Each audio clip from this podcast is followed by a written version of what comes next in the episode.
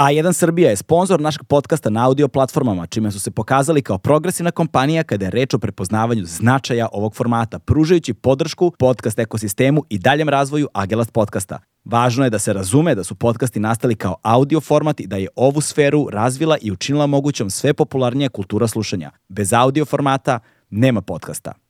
Legend Worldwide je domaći modni brend prepoznatljiv po džinsu i stilu, fokusiranom na stvaranje smirenog dizajna sa prizvukom modernog nasuprot bezuslovnom praćenju modnih trendova.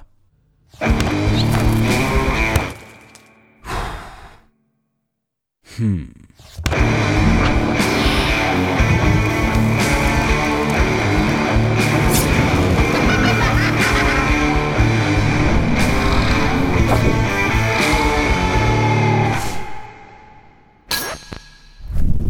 Naš sledeći gost, njegovo ime je Ivan Bevc, vlasnik je i osnivač Buka izdavače kuće kao i Buka radnji, ali ono zbog čega je pre svega ovde jeste zato što je pokrenuo podcast svoj novi koji nosi naziv 100 minuta buke.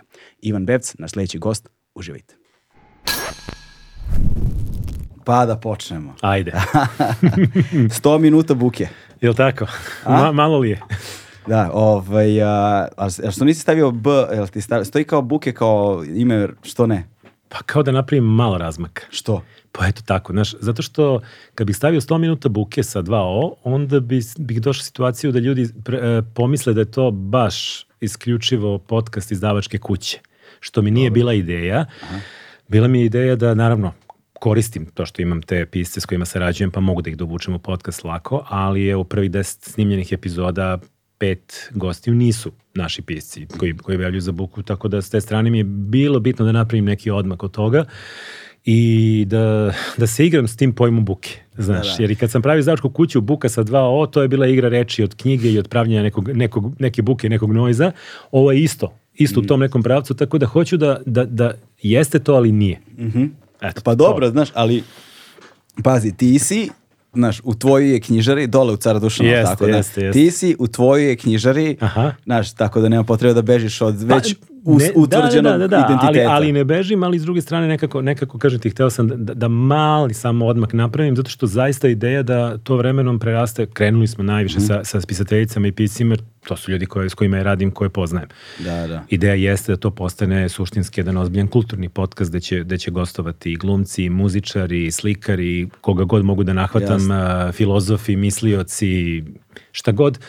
I tu će zapravo vremenom pisci buki da budu verovatno jedno, jed, na svakoj 15. ili 20. epizodi. Da, da. Tako da, za, eto, eto, to, to, kapiram, kapiram, mislim, ljudi su mi isto to pitali, a ja sam rekao prosto to je neki moj trip, pa sad Pa, ali pazi, znaš šta, nema veze, zato što um, zato što recimo mi smo napravili kao podcast naš sa našim mm -hmm. logom i sad smo počeli da radimo druge stvari kroz produkciju i stoji isti logo. Ne, ne, pa Sve okay, isto, okay, znači, I na istom kanalu čak, znaš. Kapiram, kapiram. Ali i mislim da to publici u suštini ne smeta. Pa verovatno ne, ali recimo nisam hteo recimo da booking site, da kačim to još uvek sem, sem linka samo da se ode tamo. Prosto, prosto kao pravim tu neku, da je to neka malo udaljena ekstenzija celog brenda. Da se malo širi, do, ba, širi, širi, širi, širi cijela priča. Koliko da. ljudi zapravo ide na sajt? Ja mislim da više niko ne ide na sajtove, osim ako nisu vesti u pitanju. E, ne, pazi, sajt je postao isključivo prodajni alat, prodajno da. mesto. Znači, on tebi služi kao shop. Mm. I ništa više. Sve ostale informacije kupiš sa društvenih mreža. Dakle, Tako. ideš na Instagram ili na Facebook, imaš newsletter koji šalješ, imamo tipa 8000 pretplatnika, šalješ njima i oni se tako informišu i onda idu na sajt da bi ubacili u korpu i nešto poručili. I to varira. Znači, kad ti je običan dan, tebi dođe 700-800 ljudi da vidi šta se tu dešava, kad imaš neku akciju, kad imaš neke popuste, kad imaš neki novi, novi jak naslov, sa, pa da, recimo, na kojem mi ne učestvujemo, ali imamo neku svoju akciju, desi se da imaš po 2 i po 3 hiljade ljudi na sajtu, što mm. nije malo, i, jer to su zapravo ljudi koji se informišu o samim knjigama malo dublje i onda klik ubace u korpu poruče. Koji procenat njih kupi knjigu na poklon? E pa to ne bih mogao da ti kažem. Ove, ovaj, imaš one koji zaista ono poruče za, za nekog drugog, pa stavi adresu tog drugog, pa tu znaš, ali većina zaista kupi ovako i, i, i, i, da, i daje dalje. Ne, nemam predstavu, ali kapiram da je da šta cela filozofija i za sami izdačke kuće Buka je bila da te knjige izgledaju dobro. Mm. I da te knjige izgledaju tako da poželiš da ih pokloniš nekom, da, da su neki ono, kad ih uzmeš u ruke da budu malo lepše od ovih drugih, da lepo mirišu, da, da imaju dobar papir, da, da dizajn ih da, da. prodaje. I da kad doneseš nekome, znaš, to i dalje nije skup poklon. To su i dalje knjige koje koštaju 800, 900, 1000 dinara. Ali izgleda dobro. Izgleda da, skuplje. Da, da. da. Pa, e, to je zanimljiva stvar u vezi sa dizajnom knjiga. ovaj, postoji toliko dobrih naslova koji su tako loše dizajnirani da prosto ih niko ne kupuje. Posebno ukoliko nisu zvučne imena autora, a dobri su pisci. Na primjer, ima nekih većih izdavačih kuća koje to rade na ovaj, hmm. džuture, znaš, i onda, i onda imaju ekskluzive, ekskluzivitete na te neke vrhunske naslove, tipa, ne znam, mađarski Nobelovac ili tako nešto, koje nisu imena Jasno. sa kojima su ono, s kojima je javnost negde šire upoznata, još kad ga uradiš na nekom jeftinom papiru, nekom dizajnu koji izgleda kao neka telenovela ili nešto bož sačuvaj i onda stoji u nekom zapećku gde se nigde ne reklamira, oni ja se, nula ja primjera Ja se toga. pitam često zašto uzimaju neke naslove i pouzdano znam Na kraju kraja vidiš i po mehanizmu koliko brzo te knjige odu na neke akcije, 3 za 1000 i slično. Da, da. Što naravno svi mi radimo, ali ti vidiš da tu neke stvarno veliki naslovi idu na to i ti skapiraš da te to uzima po nekom automatizmu. Aha, ova ima Nobelovu nagradu, daj. Da, I sad, da. s jedne strane, to je razumljivo. Ako ti imaš izdavačku kuću, a imamo ih par u ovoj zemlji koji izdaju po 350-400 knjiga godišnje. Dakle, kolika pažnja može se posveti svakoj toj knjizi? Vrlo malo. Ko će se baviti dizajnom? Daj generički dizajn. Ili kupi original naslovnicu ili daj ovom nekom koji će da ono sa stoka kupuje fotke koje mu liče na to, nije ni čitao, zalepi, stavi neki glup font, cepaj. Da. E, od velike izdavačke kuće funkcionišu na velikim brojevima, na velikom obrtu i na smanjenim troškovima. Da, da, da. I zato ta knjiga ne, ne košta mnogo, ali ne ulaže se u nju. Drugačiji je princip kad si mala izdavačka kuća i kad zapravo, pazi, mi objavljujemo 20, 22 knjige godišnje. Ljudi su ubeđeni da mi objavljujemo mnogo više, zato što za svaku našu knjigu čuju. Ali mi ako objavimo knjigu na dve, tri nedelje, svaka knjiga dobije dve, tri nedelje puš neki. Znači ti se da. pozabaviš njom, pa onda i kad izađe sledeća, ti se dalje baviš ovom, a ako pokaže da ima neki potencijal komercijalno, ako ti vidiš da se to zaista prodaje, mislim, guraćeš se sledećih šest meseci, ti se isplati. Da, znaš, ali opet postavlja se pitanje šta znači zaista prodaje. Recimo, se- sedeo, sam, Da. sedeo sam sa, pre nekoliko dana sa, pozdrav za Miju David, sedeo sam sa Mijom Aha. David pre nekoliko dana. Drugarica, onda, dobro. Da, I onda mi ona, bili smo zajedno na ovom Praškom kvadrijenalu. I bio je taj neki srpski paviljon gde koliko je desetak dana trajao taj, to Praško kvadrinale, svakog dana je neko drugi predstavljao našu zemlju i ovaj, bilo je super ekipa, bili su i Čavić i Šaponja jedan U, dan, super. bilo je ministarstvo prostora jedan dan, naš, bili smo mi jedan dan i tako. I ovaj, sreo sam tamo Miju i onda smo sedeli na nekom ručku i pričali i onda je ona pomenula, uh, sad ću ja da iskasapim tu priču, nisam siguran, ali je point, valjda ću pointu da prenesem kako treba. Kako razgovarala sa nekom da li prijateljicom, oftalmološkinjom ili kim, kime god, koja joj je rekla kako sad se pokazuje, da li statistički ili ne znam na koji način, ili kroz njenu praksu, kroz iskustvo, da je sve manji broj ljudi u Srbiji sa plus dioptrijom znaš, ono, dioptrija koja ti prirodno raste posle 40. godine. Jel te? Da, da, da. Dakle, sve manje ljudi se prikazuje da sve manje ljudi sa plus dioptrijom, kaže, a zapravo nije tako. Nego se ne javljaju jer ne čitaju i ne treba im naočare. Tako je, znači, zato što ljudi ne čitaju ništa i onda ne provaljuju da imaju plus dioptriju. Ali vidi, to mi je sad malo čudno jer e, ljudi nikad nisu više čitali ako uzmemo u obzir koliko bolje u telefone. Da. I s te strane sad moguće oni primiču to i povećavaju Pa font. drugo je ti, znaš, to povećaš Kapiram. primakneš, znaš, ono, ne jedne javiš strane- oftalmologu, jer s drugim stvarima Moguće. nemaš problem. Moguće, moguće. S, je- e, jeste, s jedne strane je tako, a s druge strane, kako bi ti rekao, opet, opet je to pitanje e, i, i, i, i, i kako gledaš na stvari. Znači, prvo mi se smanjujemo kao zemlja.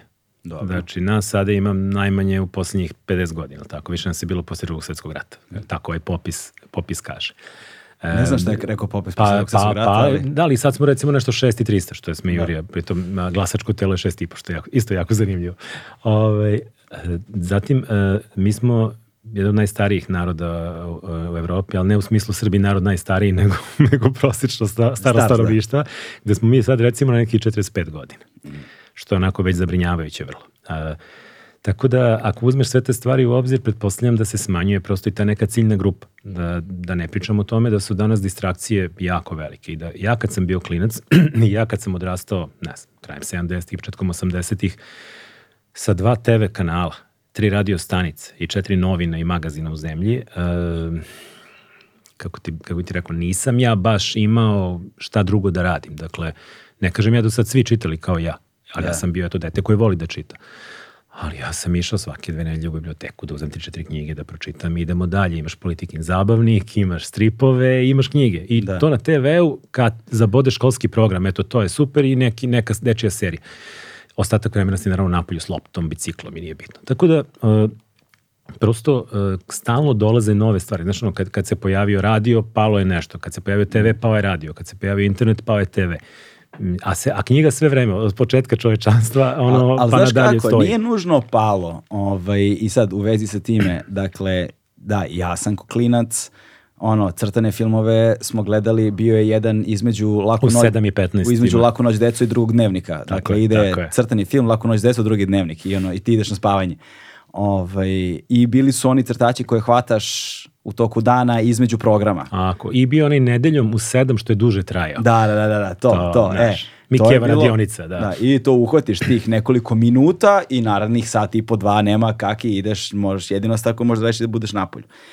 Druga stvar koja je u, ve, u vezi sa tim zanimljiva jeste da uh, nije biblio- biblioteka sama po sebi bila toliko zanimljiva. Bilo je situacija kada je umela da bude poslovno školska, nego bude zanimljivo to što hoćeš knjigu, a ima ograničen broj primeraka. Tako je. I on ti dođeš i nema knjige, neko je uzeo. Moraš da rezervišeš. Tako je, moraš da rezervišeš. I onda cela ta dinamika zapravo, a to je kao i sa, kao i sa bilo čime u životu. Ovaj, kada je nešto redko i kada do nečega se teško Raste dolazi, mu vrednost. raste mu vrednost. I kada raste vrednost... Sećaš kad- se video klubova? Pa da. Sećaš se hit film? Pazi, još su kao oni mogli to da naštancaju, ali opet kao ne može baš da naštanca 50 kaseta sa Terminatorom 2, razumiješ? Da, I onda da, ti dođeš i kao, brate, kad će da vrate ovi? Ja sam, ja sam stajao u videoklubu recimo par puta po sat i po dva da sačekam jer je neki baja rekao da će da vrati knjigu, a ja sam bio, e, film, a ja sam bio prvi na spisku. Da, da, da da. bi uzeo film da gledam pritom neku mrljavu kopiju, ne pitaj. Da, sećam se toga. ali nema veze. Piratskih kopija, bioskopskih ali kopija. gledao sam, razumiješ? Da, da, da.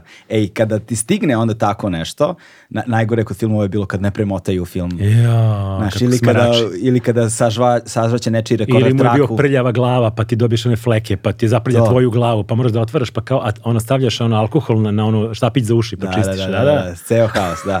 I, ovaj, a, I onda za knjige bila varijanta, odeš u, u biblioteku i onda kad je najzad tu knjiga ti je uzmeš i a, taj trenutak najzad je tu Da. i kao najzad imaš, sad, ti, sad to odjednom dobija neku vrednost koju ne bi inače imalo.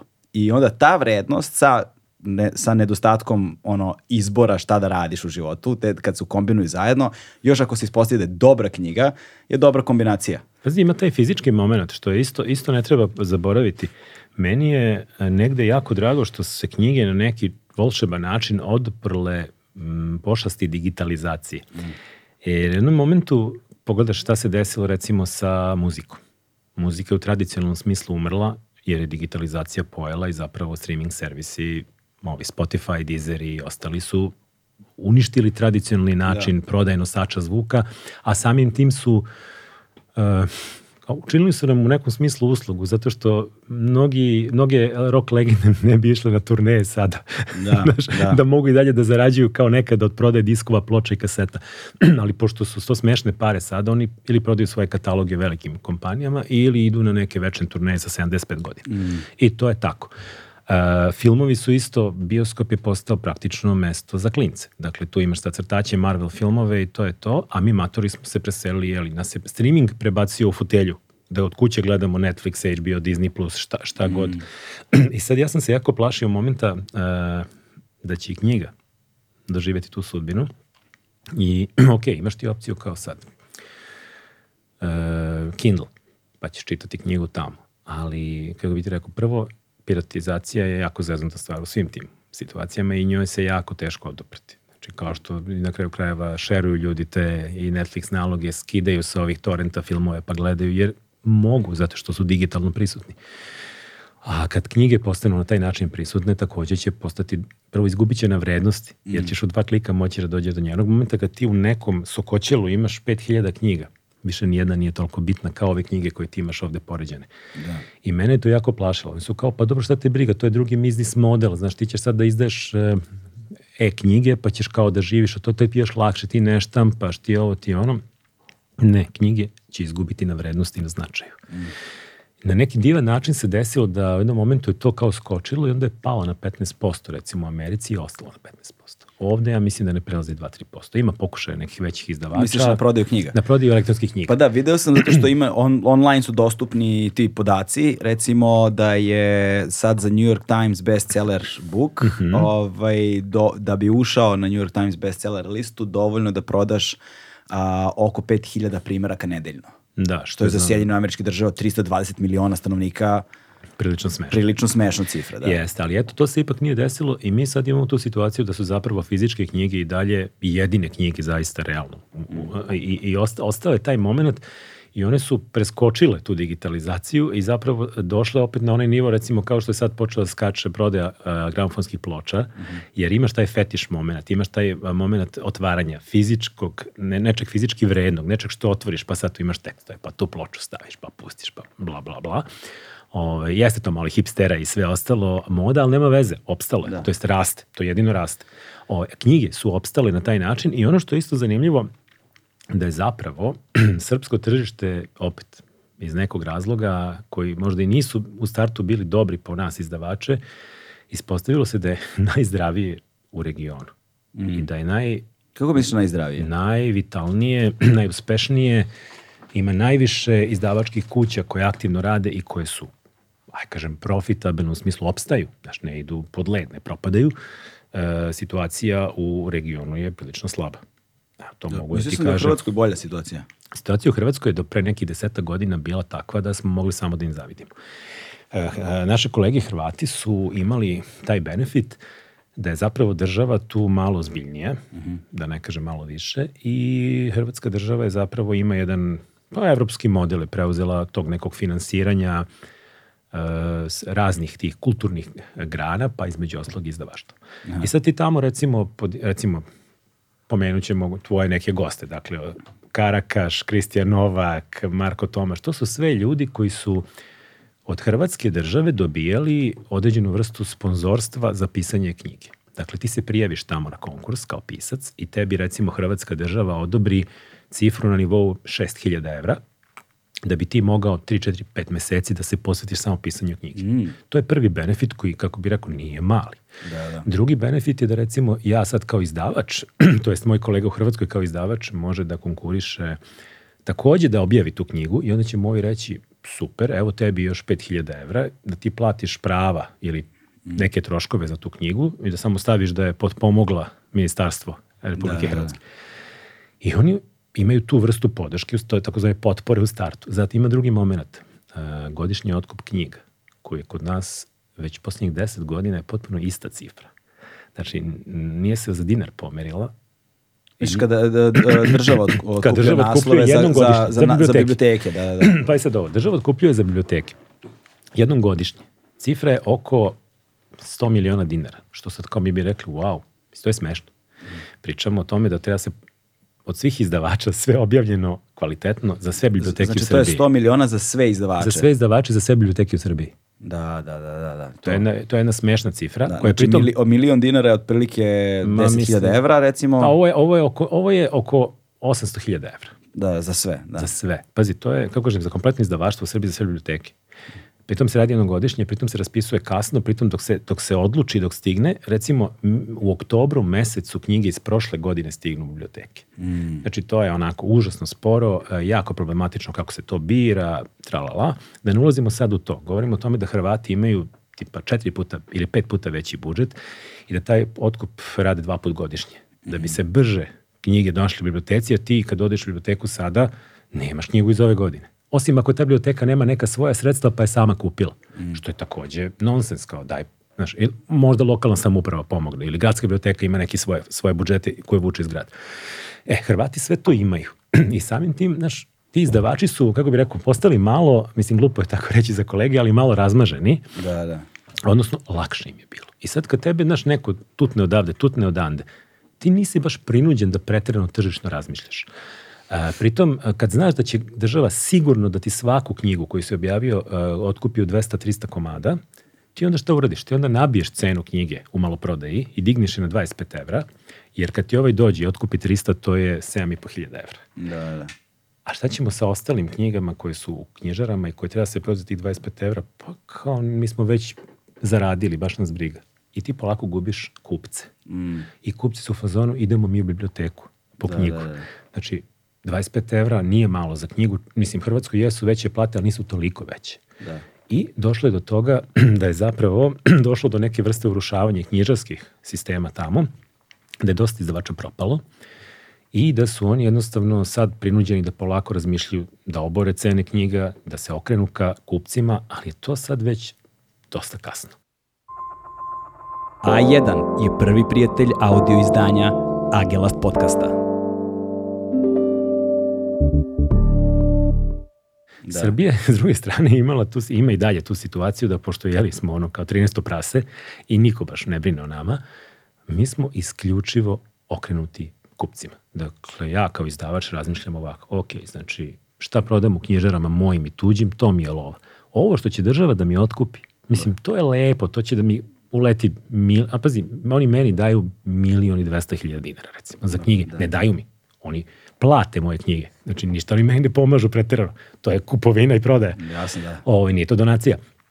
E, to kad uleti, e, super, toga ćemo da poplaćamo možda neke minuse koje smo napravili i to je to. Ja živim od svakog kupca koji uđe u knjižaru i kupi knjigu i to me naučilo da tržišno razmišljam, da se bavim knjigama, da ih promovišem, da ih pakujem da budu lepe. Imam i taj hendikep da je ovde tržište jako siromašno i da zapravo ljudi teško mogu da izdvonaš hiljadu dinara je već psihološka granica za knjigu. Da, da, I onda da, ti jeste, moraš jeste. jako da razmisliš. A s druge strane došli smo do toga da makar u to e, postigli smo neki obrt. I Mhm. onda smo došli u situaciju da ono, pričali smo da na tu temu ovde postoje tiraži a, koje niko u regionu ne može ni da sanja. Da. Znaš, ti imaš ovde knjige koje su otišle u ne pričam sad o nekim bofl knjigama kao napisala Jasno, voditeljka knjigu pa prodala u 100.000.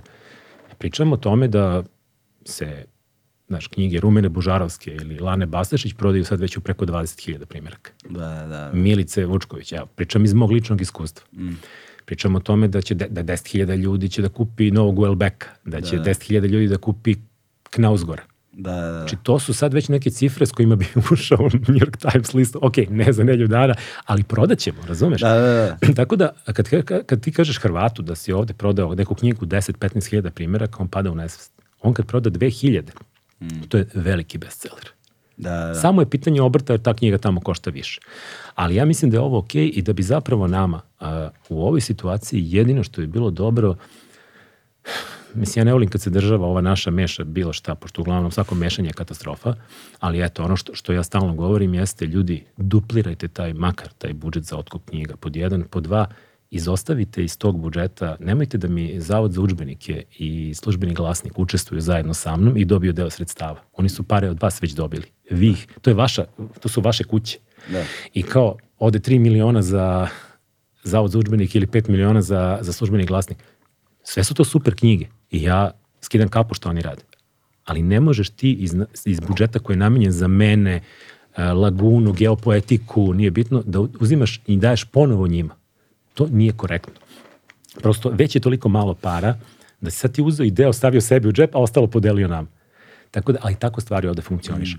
I uprko svemu, uprko s tome koliko zaista ovde nebriga postoji e, i koliko je zapravo su tržišni uslovi jako teški, koliko i kad evo, desi se globalna ekonomska kriza, ovde bude još gora, zato što je inflacija još veća, zato što se pravi, prave pogrešni potezi, izdavaštvo i knjižarstvo ovde funkcioniše i realno nikada nije bilo bolje. I ja ne volim, znaš, one lamentiranja nad starim dobrim vremenima, ovo je jedna od redkih grana je tu zaista nikad nije bilo bolje, jer ja kao izdavač sada mogu recimo da kad dobijem novu knjigu, dam tu knjigu uh, Laguni i Vulkanu i ja znam da će oni to da pošalju u 50-60 svojih knjižara širom Srbije koje sve izgledaju pristojno i u malom nekom mestu postoji neka laguna koja izgleda pristojno. Da, da, da. Za razliku od onog pre 5 ili 10 godina kad bi ja poslao u to isto mesto knjige u neku ne pitaj kakvu knjižaru gde kad se proda nikad ne bi video pare.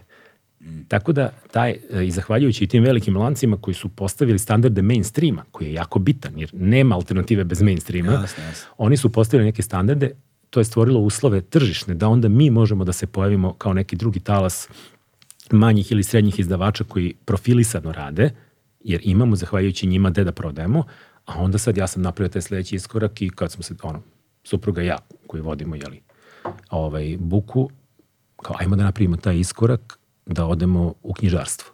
Zašto? Zato što pod jedan jačamo brend, dakle vidljiviji smo, pod dva um, i, mislim da možemo to da radimo da znamo kako to radimo i treća stavka je smanjujemo zavisnost od ovih velikih lanaca koji su u jednom momentu jako počeli da podižu marže I, znaš, dođeš do nivoa da od knjigu, knjigu koju prodaš kod njih ti uzmu pola novca. Da, da. I onda kažeš, ok, ja moram da imam neki svoj kanal da mogu da im kažem ne. I da mogu da im kažem ne pristajem. I do, došli smo do te tačke, evo sad imamo tri knjižare u Beogradu i to negde zadovoljava naše standarde i mislim da više od toga realno nije realno. Da, da, da. Pitali su me, hoćete ići u Novi Sad? Pa što bih išao u Novi Sad? Postoje Boulevard Books i, i Zenit, to su naši prijatelji koji rade na sličan način kao mi, samo da kvarimo. Da, da. Nema potrebe. Kao što, kao što je ovde kod nas uh, Beopolis. Beopolis je super, Beopolis je samo negde ispao žrtva te tog vremena neke tranzicije. Kad su ih isterali iz doma Kad su ih isterali iz doma omladine, oni prosto, ja mislim da se Onaj nikad nesrećni nisu, eurocentar gde niko ne zalazi. Da. nikad se nisu oporavili od toga. A, I druga stavka je, mi smo imali tu prednost odnosno na njih, što smo mi u knjižarstvo ušli kao već renomirana izdavačka kuća. I samim tim smo imali čime i da privučemo publiku, imali smo već jako puno kupaca naših knjiga. I, e, pazi, u inostranstvu je recimo to odvojeno. Ti ne možeš da budeš knjižar i izdavač u Francuskoj ili u Engleskoj. Pa da, zbog sukoba interesa. Sukoba interesa. I Distributer, ja se izdavač, Vidi, knjižar. ja se slažem s tim. I ja bih najviše na svetu volao da je tako ovdje, da mi imamo ozbiljne knjižarske lance koji nisu izdavači, a mi da se bavimo samo izdavanjem knjiga. I da im dajemo i da se to prodaje. Ali pošto nije tako, ti moraš da se prilagodiš situaciji. I onda smo zato i ušli u to. I i ispalo je dobro, na svu sreću, mada pazi, mislim, kao, otvorimo prvu knjižaru, nelju, u Cara Lazara, nelju dana kasnije kreću da renoviraju ulicu. Tri meseca prašine. Preživimo nekako. Dogovorimo drugu u Cara Dušana, zaposlimo ljude, krenemo renoviranje, krene korona. Da, da. Završi se korona. Mesec dana kasnije odluče da renoviraju Cara Dušana. Da, da. Prašina šest meseci. I onda kad smo otvarali ovo na bulevaru, ja kao, brate, Gde na bulevaru? e, pre- pa to je bila bivša laguna, to je baš preko puta spomenika Nikole Tesla. Jer se tada, ta laguna se pomerila u bivši Benetton koji je veći, mi smo ušli ovde, sredili sad prostor. pokušam sedim. Gde je spomenik Nikoli Tesli? Spomenik Nikoli Tesli malo A, posle kod, KST-a. kod fakulteta, kod, fakulteta, kod E, fakulteta, da, da, da. Tu, tu smo uzeli prostor. A, i- znam ko je to, tamo na uglu sa Molerovom ili tako a nešto. pored je neki Women Secret, nešto, mi smo Nešto tu. E, tu, da, da, da, da. da, da. Blizu mi- ne davimo Beograd. E, e, e. Jeste, da, da. I ovaj, mi ulaz, uzimamo taj prostor i ja kažem ovoj supruzi, rekao, jebote, znači, ono, okrećem se, ovo je bređila srenovirao pre nekoliko godina. Da, sećaš da. se platana Pla- i da, cele se- seko priče. platane, da, Seko da. pa, drvosek i to da. kao. Pa neće valjda ovi ludaci sada kao u Irat jevu porovo da renoviraju i nisu. I to je jedina knjižara da smo imali sreće da niko nije razvalio ulicu istog dana. Pazi, ovaj, da, sa ovim što si malo prepominjao, dakle, dve, Mhm. dve stvari u vezi sa time, a to je, a, dakle, nisu, nije radio ubio print, a onda TV ubio radio, nego samo nova tehnologija koja se pojavila je preuzela, jel te, veći, većinski deo publike i onda se je ovaj pao, ali oni uvek padnu na neki optimalni nivo nečega što se nešto, nečega što se zove radijska publika. Tako je. I on je uvek isti, to je Tako isti je. broj. Tako isto, no, pojavi se novi nosači zvuka, padne prodaje ovih prethodnih takozvanih zastarelih, ali ostane neki optimalan broj i recimo vinili su prosto ostali. Nisu kao što su nekada bili zato što prosto Jasno. postoje savremeniji načini ono ovaj prenosa zvuka, ali uh, je ostala ostao je vinil kao fenomen. Ovaj ej, a ono što je kod knjiga čini mi se važno i tu je komentar jedan mali na, na to slušanje muzike, fizička kopija, uh, recimo poput vinila i načina napuštanja te muzike te zapravo tera da slušaš ceo album. Apsolutno. Znaš, I onda kod vinila je zadržano slušanje albuma. Kao, znaš, I onda neki umetnik koji je napravio autorsko delo, koje ima svoj koncept, koje gde su pesme, ne znam, organski povezane, tematski, idejno, estetski, ovako ili onako, ti sad imaš priliku da to doživiš. Mislim, Da, da, ceo koncept vidiš, tako da je. to doživiš zato što si... A strana ima ovu priču, bez strana ima ovu priču. Sve, tako, je. E, a s druge strane, a, recimo, s druge strane, ono što kod knjiga ne može da se oduzme i zbog toga mislim da nisu podlegle a, digitalizaciji, iako postoje PDF-ovi, Mhm. iako postoje Kindle-ovi, iako postoji svašta nešto i ono dobiješ, pa ja sam recimo sada dobio, ne sad dobio, nego sam posljednje vreme nabavljao neku stručnu literaturu koje nema nigde Mhm. ovaj, i koju su sa ono nekih svetih univerziteta drugari krali iz njihovih online, ne znam kako... Skenirali? Ne, ne, nego su ono digitalno, recimo Aha. na biblioteka Harvarda, pa sad Razumem, mora da si da. student Harvarda i mogu da pristupiš Imaš digitalnoj pristup, da. biblioteci, sad oni ne znam kako imaju pristup i downloaduju ovaj, te verzije tih njihovih digitalnih knjiga i onda su mi poslali te kopije koje ja, stoje mi, ja se kao otvorim na kompjuteru, pročitam ono uvodni pasus I staneš. i stanem. Ne može. I onda recimo ja te knjige sam držao na kompu godinu dana. Si isprinto na kraju. I na kraju sam otišao u kopirnicu i dao, ne znam, hiljada dinara i isprintoš sedam I knjiga. pročitao. Pa nisam ih pročitao, sve ogromne su, ali sam počeo, Počeo da ih si da čitam. čitaš, znaš. drugačije. Drugačije, jednostavno ne može. Jer čini mi se da ovaj, u samoj prirodi čitanja imaju nekoliko elemenata koji a, ne podležu digitalizaciji, a to su kod konzumiranja zahtevaju dve stvari za koje ostale koje ostali fenomeni nužno ne zahtevaju toliko. To su trud i vreme. Prosto te dve stvari moraju. Znači ti da bi pročitao knjigu moraš da uložiš trud i moraš da investiraš vreme. I, ovaj, I nekako sa fizičkim objektom je to jednostavnije, jer onda nađeš i poziciju, poziciju u kojoj ćeš da sedneš i gde ćeš da budeš i da imaš fizički i kada se zamoriš, odložiš pa uzmeš i nekako kako prijateljica Teja eh, ovaj, kaže, kaže ne mogu, kaže ovako knjiga ima leđa pa mogu da je zagrlim. Znaš, Tako je, tako je, ovaj, tako je. eh, nek, a, sa tim digitalnim se gubi ta neka konekcija, ali čini mi se da je to možda do nas koji smo malo analogno odrastali, jer neke nove generacije, sad koliko čitaju pitanje, je, ali čini mi se da je njima mnogo, ne, video sam klince koji recimo strip čitaju na ekranu, što je, ja to uopšte ne mogu da razumem, Da, nije, nije. ali se dešava. Pa, mislim, mislim da je zaista, ima, ima veze sa, sa time da li se analogna ili digitalna generacija. Mi smo iz analogna morali da pređemo u digitalno i nama su neke navike ostale. Da. I naše ono, o- originalna čitanja su bila sa papira i nekako ne odriče nam se. Mislim, vidi da nema, čitali bismo digitalno, prosto, Da. ali pošto ima i pošto očigledno i dalje postoji publika za taj papir, vidjet ćemo. Ali pazi, postoji to da nije ti prirodno da čitaš na ekranu, a, jer se dešava, da ja, primjer, do- često i za, što za posao, Mhm. za podcast, recimo mi se često dešava za podcast da imam ta, neke sagovornike, onim, ono čime se oni bave, nećeš naći literaturu, To mi znači jasno. zaboravi. Da, to je te sad treba pos- se spremiš kao da to- Posebna tema šta sve imamo da čitamo na našem jeziku uopšte od Dobro, proze i bilo to čega. zaboravi, da. Da, to je ono. Dakle, a na stranu, tek na engleskom da kupiš tu knjigu ovde, ne zaboravi, ne postoji. Onda ti oni pošalju, uredno ti ljudi pošalju digitalno svoje i sad to ja znam da to je, ako budem čitao da se pripremim za razgovor, da je neka stručna ono, stvar, ja Mhm. ću to pročitati digitalno, ono, digi, dijagonalno, Znam, da pokup- skapiram, pokupit ćeš, da. pokupim da mogu dovoljno da kormilarim razgovorom, ali ne je. da zapravo sad deep dive, ono, uranjam u temu. Dobro, ne možeš ti biti stručnjak za sve, mislim, Tako to je normalno. ne, e, i ovaj, ili za bilo šta, kad smo već kod toga. Zna, samo da imam dovoljno znanja da mogu da vodim razgovor. Bilo, Da budemo bilo, on, univerzalne ove neznalice, što kaže za novinare. Da, da, univerzalna neznalica, tako je. Ovaj, kako kaže, najviše volim da pričam ni o čemu, jedino tome sve znam. Apsolutno. Dakle, um, i, i, i nema smisla ni da ja to sad štampam i da gomilam te stvari ko za vreme studiranja, one skripte, Da. pop te mazo, s kojom mi skupljaju pršinu po gajbi, ne znam šta da radim s njima, ne bih da je bacim. Ne. I, ovaj, I onda dolazi do tog ozbiljnog očnog zamora od ekrana. Ja bih zapravo morao, gledao sam, na primjer, Kindle je zato napravljen tako da može na njemu da se...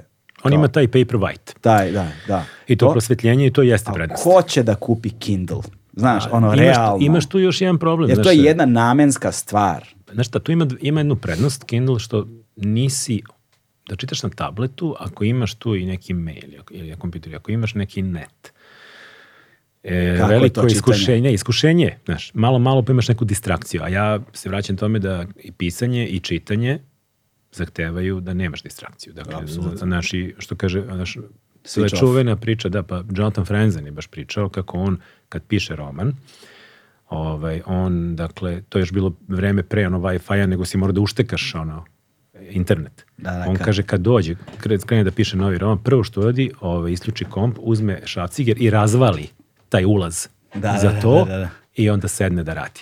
Jer onog momenta kad može da ide na net, on neće pisati. To jest, kaže, e, dobit ću širinu, izgubit ću dubinu. A dubina je ono što ga čini velikim piscem. Mm. Tako je. Jer sad živimo u površnim vremenima i zapravo ta, to zaranjanje u dubinu je nešto što nam fali.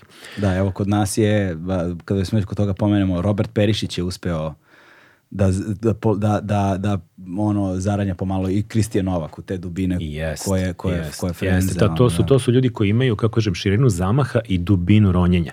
To je ono što se jako redko sreće danas. Uglavnom ćeš naći ako idu u širinu, to je jako zabavno, ali plitko i površno. To je nalik onom svetu u kojem trenutno živimo. Dakle, mi nikad nismo imali više informacija nego sada i mi nikad šire nismo išli, ali bukvalno smo plićak. Da, da, da. A, znaš, a sećaš se kad si bio klinac, kad te nešto zanima. Evo, pomenuo si to slušanje albuma. Da. Zaranjanje u dubinu je bilo kad ti slušaš album 20-30 puta. Pa znaš svaku pesmu na pamet, pa znaš ono gde preskoči ploča. Ma ne pa... to, brate, nego izmislimo značenje kojeg nema. Ja se sećam kada smo se, to je meni bilo, to je meni bilo, to je nama bilo zapravo kada smo otkrivali Tool prvi put. Brate, šta smo mi u Tool sve učitavali? Ja mislim da, da Maynard, ono, pevač Tula, sa svim svojim pretencioznim sranjima nije ni zagrebao. Ali vidi, da ti kažem nešto, uh, to je osobina svake dobre umetnosti. Ona dozvoljava naše učitavanje. Uh, si bio na Tulu pioniru? Dobre, 2006, 2007. O, opasan koncert je bio. Šteta što je onaj pionir onako kanta od- sale. Kanta ali, teška, Ali da, da, svejedno, da. bi- bilo je moćno videti ih. O, ali e, i kad pričaš sa piscima i kad pričaš, e, tvoje tumačenja su tvoje tumačenja, razumeš? Mm. I evo, pričao sam sa nekim vrlo ozbiljnim piscima koje objavljujem i kad ja nešto spomenem, kad on kaže, pa ne, ali sad kad ti kažeš ima smisla. Da, da, da. Dakle, ja sam prosto, oni sad nešto, nešto pritisu u meni i otvorio ne, ne, ne, neki, nek, neku kutiju, neku sobu koja je bila zaključana i to ga čini velikim piscem ili muzičarem, recimo u slučaju Tula ili možemo da idemo Da, dalje. da, jeste. E, i to je, čini mi se, kod knjiga je ostalo i sada, to je zanimljiv fenomen. Dakle, knjiga je jedno staro, ovaj, inertno, jedan stari inertni fenomen. I on zbog svoje glomaznosti i svoje inertnosti nije podložan tako promenama brzim koje zahteva savremeno društvo, a s druge strane, i onda ne može da ide u korak sa time, jednostavno kaska za svime i deluje zastarelo, ovaj, ali s druge strane ta ista inertnost ovaj, ga čini, Čuva- o- čuva ga, očuva ga, čuva ga. zato što, ba, zato što pokušavajući da promene nešto tako ono, staromodno i tradicionalno, ne uspevaju u potpunosti i onda od, o, odoleva tim pritiscima dovoljno dugo. Zapravo kao one neke životinske vrste, znaš. Pa da. Kao, a, s jedne strane bi pomislio da, da, da će ta neka, kao šta je evolucija, nego sposobnost prila, prilagođavanja, jel tako? da, da, da, znači, da. ne, ne moraju uspevati najbolji, nego najprilagodljiviji. Međutim, os- a, njih negde ono kao poka- pokazuju se da postoje određene životinske vrste koje su toliko jednostavne zapravo, Da. zbog te jednostavnosti one već postoje milionima godina. Tipa neki krokodili ili gmizavci ili ajkule. da, I ja zaista... Virusi, ne- bakterije, ja Recimo, znam. između ostalog, ono što će nas nadživjeti sve. I ja definitivno knjigu isto posmatram na taj način, dakle, ona je toliko zapravo savršena. Mm. A, nju ne možeš da pokvariš. Njoj ne mogu da iscure baterije. A, ne može da i nestane osvetljenje. Znači, ako ima svetla, čitaćeš. Ako nema, napravi svetla. Ali postoji taj fenomen da bez obzira sad, da a, sve što sve, sve u čemu uživamo je prvo moralo da bude napisano. Naravno. Serija je morala da bude napisana, Tako film je morao da bude napisan, TV emisija, projekat Pesma. neki iz pesma, sve je moralo Note, da bude... mislim, da. O, note nisu nužno, više sam, Dobro, ne znam, evo, Jimmy, jel pišeš note, brate? Ne piše. Znaš ne zna ni da ih čita. 100%. Zaboravio je, da. Znaš? O, išao Jimmy u muzičku školu, A, zna da čita vidiš. note. Znaš, eto. Ali u, suš- Jest. ali u suštini, ono, to je, znaš, kao... Prvo je bilo pripovedanje, a onda, onda kad smo naučili da pišemo, zapisivali smo. I to je neka, to je zaista baza svega. Ima u, u Platonovoj fe, u Platono, da ste, kod Platona ima baš taj dijalog kada ovaj, a, gde, gde, gde Sokrat zapravo a, pljuje a, pisanje kao, kao pisanje kao da, da će to upropastiti ljude jer će onda ljudi prestati da pamte i da i neće se truditi to će da uništi ljude kao nova tehnologija kada je pisanje izmišljeno kao nova tehnologija koja će da AI. upropasti da, da, AI. da, koja će da upropasti ljudsku rasu, tako da te teme su ono večne iz, izme- između ostalog. I zbog toga mi je, ovaj, e sad da, znaš, uh, još jedna stvar koju si malo, koju si, koju si pomenuo, to je tržište. ovaj, zanimljivo mi je to što, recimo, ključna boljka velikog dela nevladinog sektora, na primjer to ovih, kako se zovu, udruženja građana, je u tome što ne moraju da se ponašaju tržišno. To je njihova, ja mislim, to je najveća boljka. Jer uđu u komfor on, dobijanja grantova i onda Nema se... grantova, nema njih. Nema grantova, nema njih. Tako je, I, tako nikada, I nikada se ne upuste u taj rizik hajde da probam to u šta verujem, što, da li je to ideološki, da li je marketinški, nije ni važno šta je, hajde da ja to testiram sa ljudima u društvu u kojem živim. I onda kada ti tržište vrati, da povratnu informaciju ili nedostatak povratne informacije, to ti je nekakav orijentir realnosti Tako je, tako je. s jedne strane sveta u kome ti živiš, s druge strane sveta ovaj, u kome žive svi ostali. I, ovaj, I nepostojanje te sprege čini da u velikoj meri, kao što se desilo sa, u Hrvatskoj, kažeš, sa tržišne knjiga, Ranjivi su. izgub, izgube kontakt sa stvarnošću, žive u svojoj iluziji u koju počnu duboko da veruju i puknu. Pa, znaš, to, to je onaj moment da se stvarno tu kao neke ozbiljne pare troše. Uh, nemam problem, znači, znaš, kao ovde kod nas prvo postoji nekakav strašan ono, bauk nevladinog sektora. To, znaš, nevladin sektor jednako, Soros jednako, Plaćenici. sve svetska zavera protiv Srb, Srbalja. Da, da. Ne, e, do, dobar deo tih projekata zaista ima nekog smisla, međutim, meni to stalno podsjeća na onu priču, znaš, kao umesto da, umesto da mu daš ribu, nauči ga da peca. Da, da. I ja sam stalno nekako, mi se čini da većina tih e, dobijača grantova zapravo su ono, orijentisani samo na to i ti koji im daju grantove mislim da im zapravo čine medveđu uslugu. Da, I da. jednostavno nisu ih uslovili da ok da te pokrijem 100% prve godine, ali druge godine to bude 70, pa 50, pa 30, pa ti ostani održiv. Ali pitanje je, znaš, onda bi se pokazali ko je zaista održiv. Jer Da. većina tu radi neki posao i onda ti vidiš da je to zapravo više pitanje ovaj, pro forme, a suština se gubi. A ako ti imaš zadatak da celu stvar postaviš tržišno, a nije tržišno sada ružna reč. Mislim, tržišno znači da ti pokušaš da nađeš neki drugi sponzor, da ti pokušaš da nađeš nek, nekoga ko će to podrži. Na kraju krajeva, šta je, šta je koncept ovog tvog podcasta? Da. On je krenuo tako, je li tako? On krenuo je, ušao si u nešto, rizikovao i uspeo. Da. Ja onda, ali moralo je da postoji da bi došli neki, Ali tako, je i isto- sponzori i, i, ali, je- i, ali je isto podržavaoci. tako, da, ali je isto tako moralo, morao si konstantno da se adaptiraš. Kako Dakle, ti, ne? ti kreneš, e to je ono što je razlika. Znači ljudi napišu projekat, jel te, dobiju razrade, strategije, šta god, dobiju lovu za to i krenu da ga sprovode. I oni ga sprovode tako od početka do kraja. Mhm. Da, Kako da. su napisali u strategiji, šta su njima ono, ono milestone-ovi tačke kad mori pišu izveštaje i to je to. I neko tamo u nekoj kancelariji u Briselu ili gde god, on će to da kaže, aha, super je izveštaj, oni su sve popunili kako treba. Kako treba. Ali niko se suštinski ne bavi time šta se tu zaista na terenu dešava. Tako. Koliki to impakt pravi? Dakle, da li to menja stvari? Ja stalno razmišljam... I ja da im- li to dolazi zapravo do ljudi do kojih treba da dođe? da li postiže cilj. No. Jer ajde se, da se vratimo na početak, koja je poenta? Mm. Dakle, koja je poenta? Znaš, ti, ti, znači, evo, ti kad si pokretao ovo, imao si neki cilj. Ja kad sam pokretao ovaj, buku, kad smo seli kao ono, bukvalno supruga i ja, kao, hoćemo li, hoćemo, ajmo, kako ćemo. Dakle, pokrećemo to, idemo u to. Imaš neku ideju šta želiš da postigneš tim. Možda glupo zvuči, ali kao recimo jedna od mojih ideja jeste bila, naivno je, ali kao, hajde da nešto promenimo. Da, da, da. Ajde da napravimo nešto što mi se čini da ne postoji ovde. Hajde da na kraju krajeva ja kao neko ko voli da čita, nemam to ovde. Ako ja to ne mogu da nađem ovde, ako, ako ne postoji to, znači da postoji neka rupa na tržištu koju treba popuniti. I polazim od toga da kažem, pa ok, valjda postoji dovoljno ljudi koji dele neki moj ukus i neku moju ideju kako to treba da izgleda. Onda smo seli, napravili ne- nešto kako će to da izgleda i ušli u to. Napravili milion grešaka u hodu.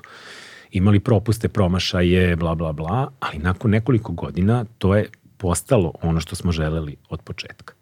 I na kraju je proradilo. I imali smo sreće da smo imali neke druge poslove i da smo mogli da izdržimo da ne živimo od toga i da ulažemo u to, jer svaki posao, svako ko mi kaže da ono bilo koji posao može bez pet godina ozbiljnog rada da se nazove ozbiljnim poslom, nije ozbiljan čovjek. Da, da, da, da. Ove, naš, srpska ideja biznisa za šest meseci ćemo da obrnemo uloženo i da, da zaradimo Mercedes. Ne, nećemo. Ali nakon pet godina ćeš ti videti da to zaista ima smisla. Da je to ima zdrave osnove, da to ima temelje, da to ne može da, prva kriza da ga sruši i evo pokazalo se. Dakle, sve moguće i korone i ratovi u Ukrajini i inflacije, sve nas je to udarilo. Ali, kao kažem, zatresete pa se, ti, pa se smiri. Znaš, Da, da. ideš dalje, malo zakrpiš negde, o, o, smanjiš možda, na kraju kraju to je to prilagođavanje. Dakle, ja sam imao neke ideje malo veće, u ovom trenutku je to trebalo sve da izgleda možda i malo veći, da to bude još neka knjižara i više izdanja i pokretanje možda nekog festivalčića, ali u nekom trenutku kažeš, vidi, to nije realno.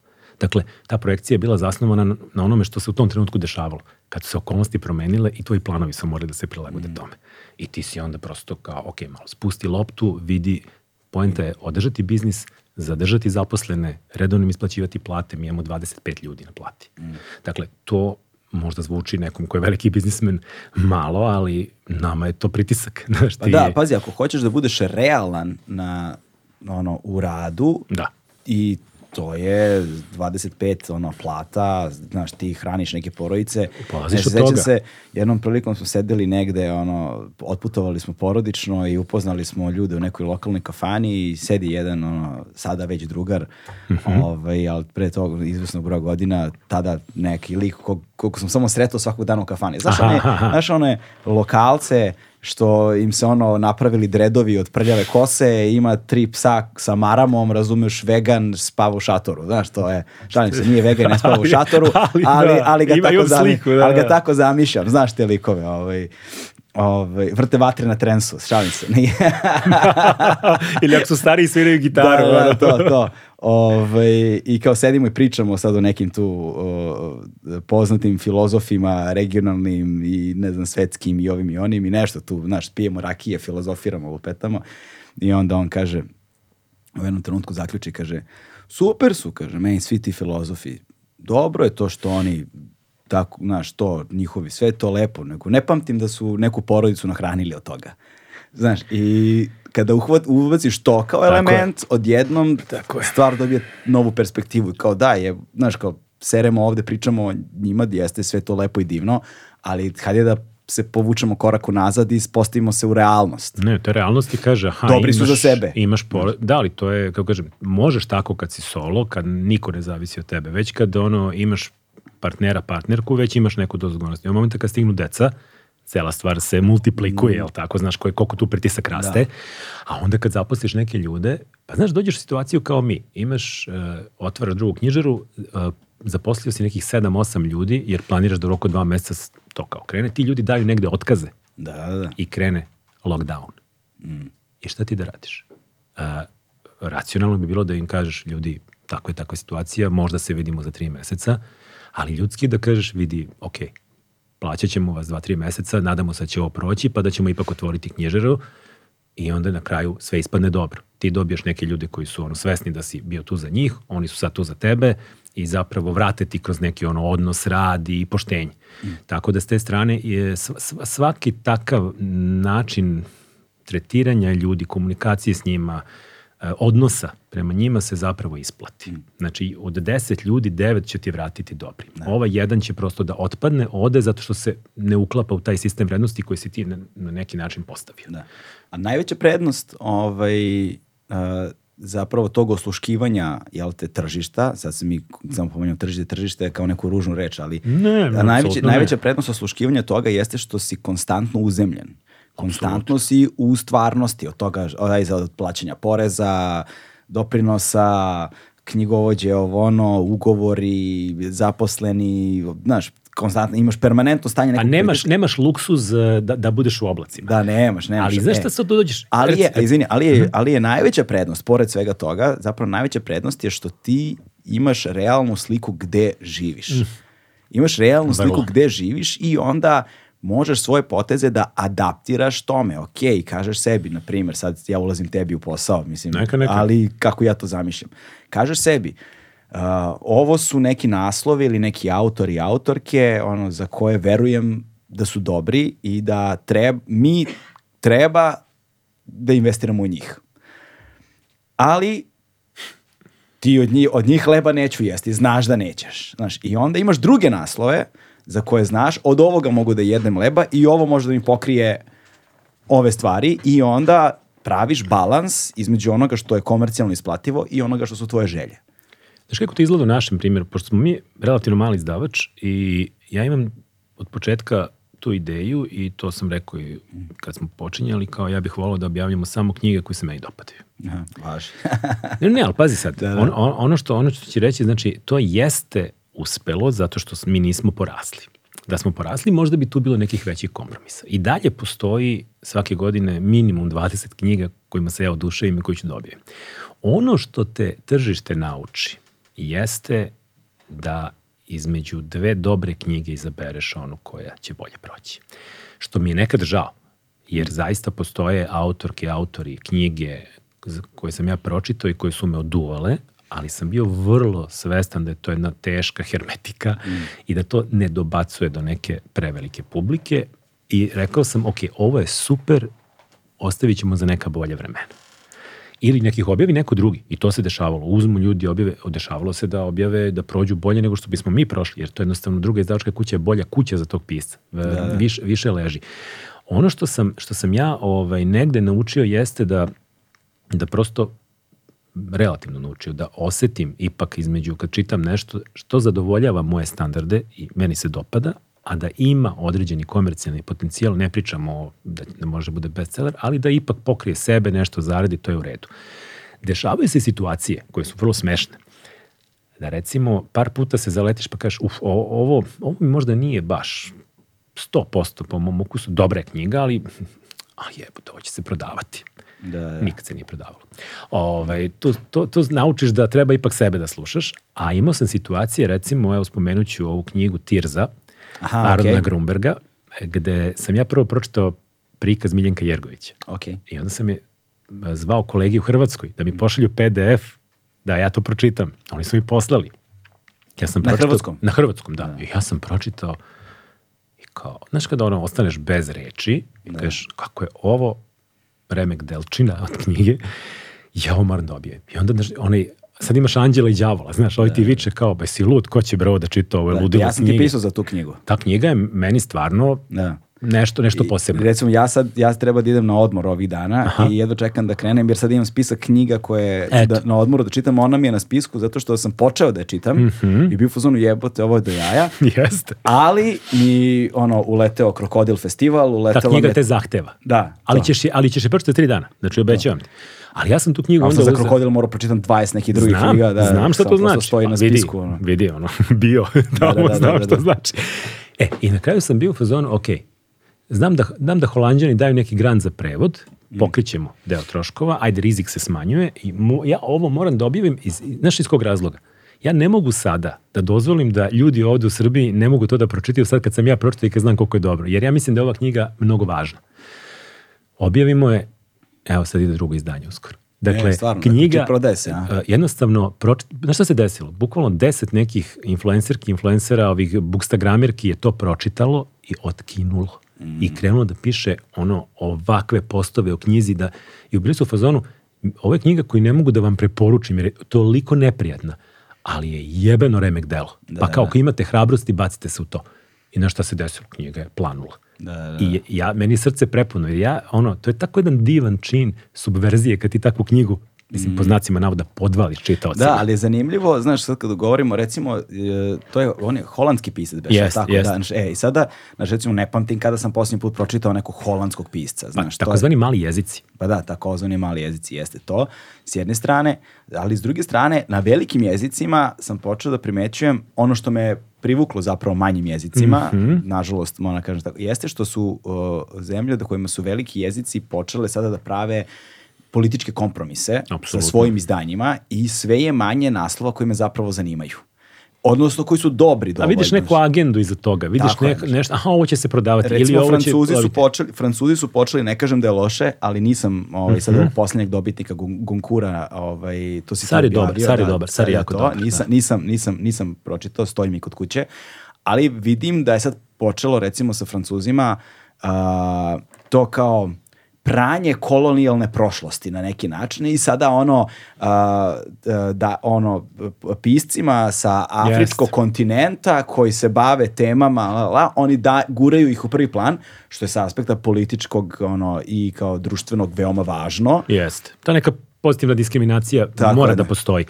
U, to, u njegovom slučaju je to ispalo super. Zato što smo zaista dobili knjigu koja je e, genijalna, koja je suštinski kao neki ono novi bolanjo Aha, okej. i ima taj, taj moment tog, e, kako kažem, e, detektivski, detektivska književnost u najboljem smislu, dakle da, to je da. visoka književnost spakovana u, u, u, u jedan detektivski roman, ali je ovaj, ispostavilo se, znaš, da on, on ne pere njih. Da, da, da. Znači, u, u svakom smislu, ono, ali pritom, kako, nema tu ni onog nekog eh, sentimenta sad, jadni mi, koje su Francuzi ugnjetavali, Da, da, nego je krajnje objektivan. Dakle, i ti kad čitaš tu, ti ćeš i o, nje, o njegovima i o Francuzima saznati sve najgore. Da, da, da, I, i, s, te, s te strane knjiga zaista funkcioniše. Pritom je meni to bilo jedno neviđeno, neviđeno otkriće jedne scene, nekih zemalja, nekih tržišta, ne, nečeg što ti nisi znao da postoji.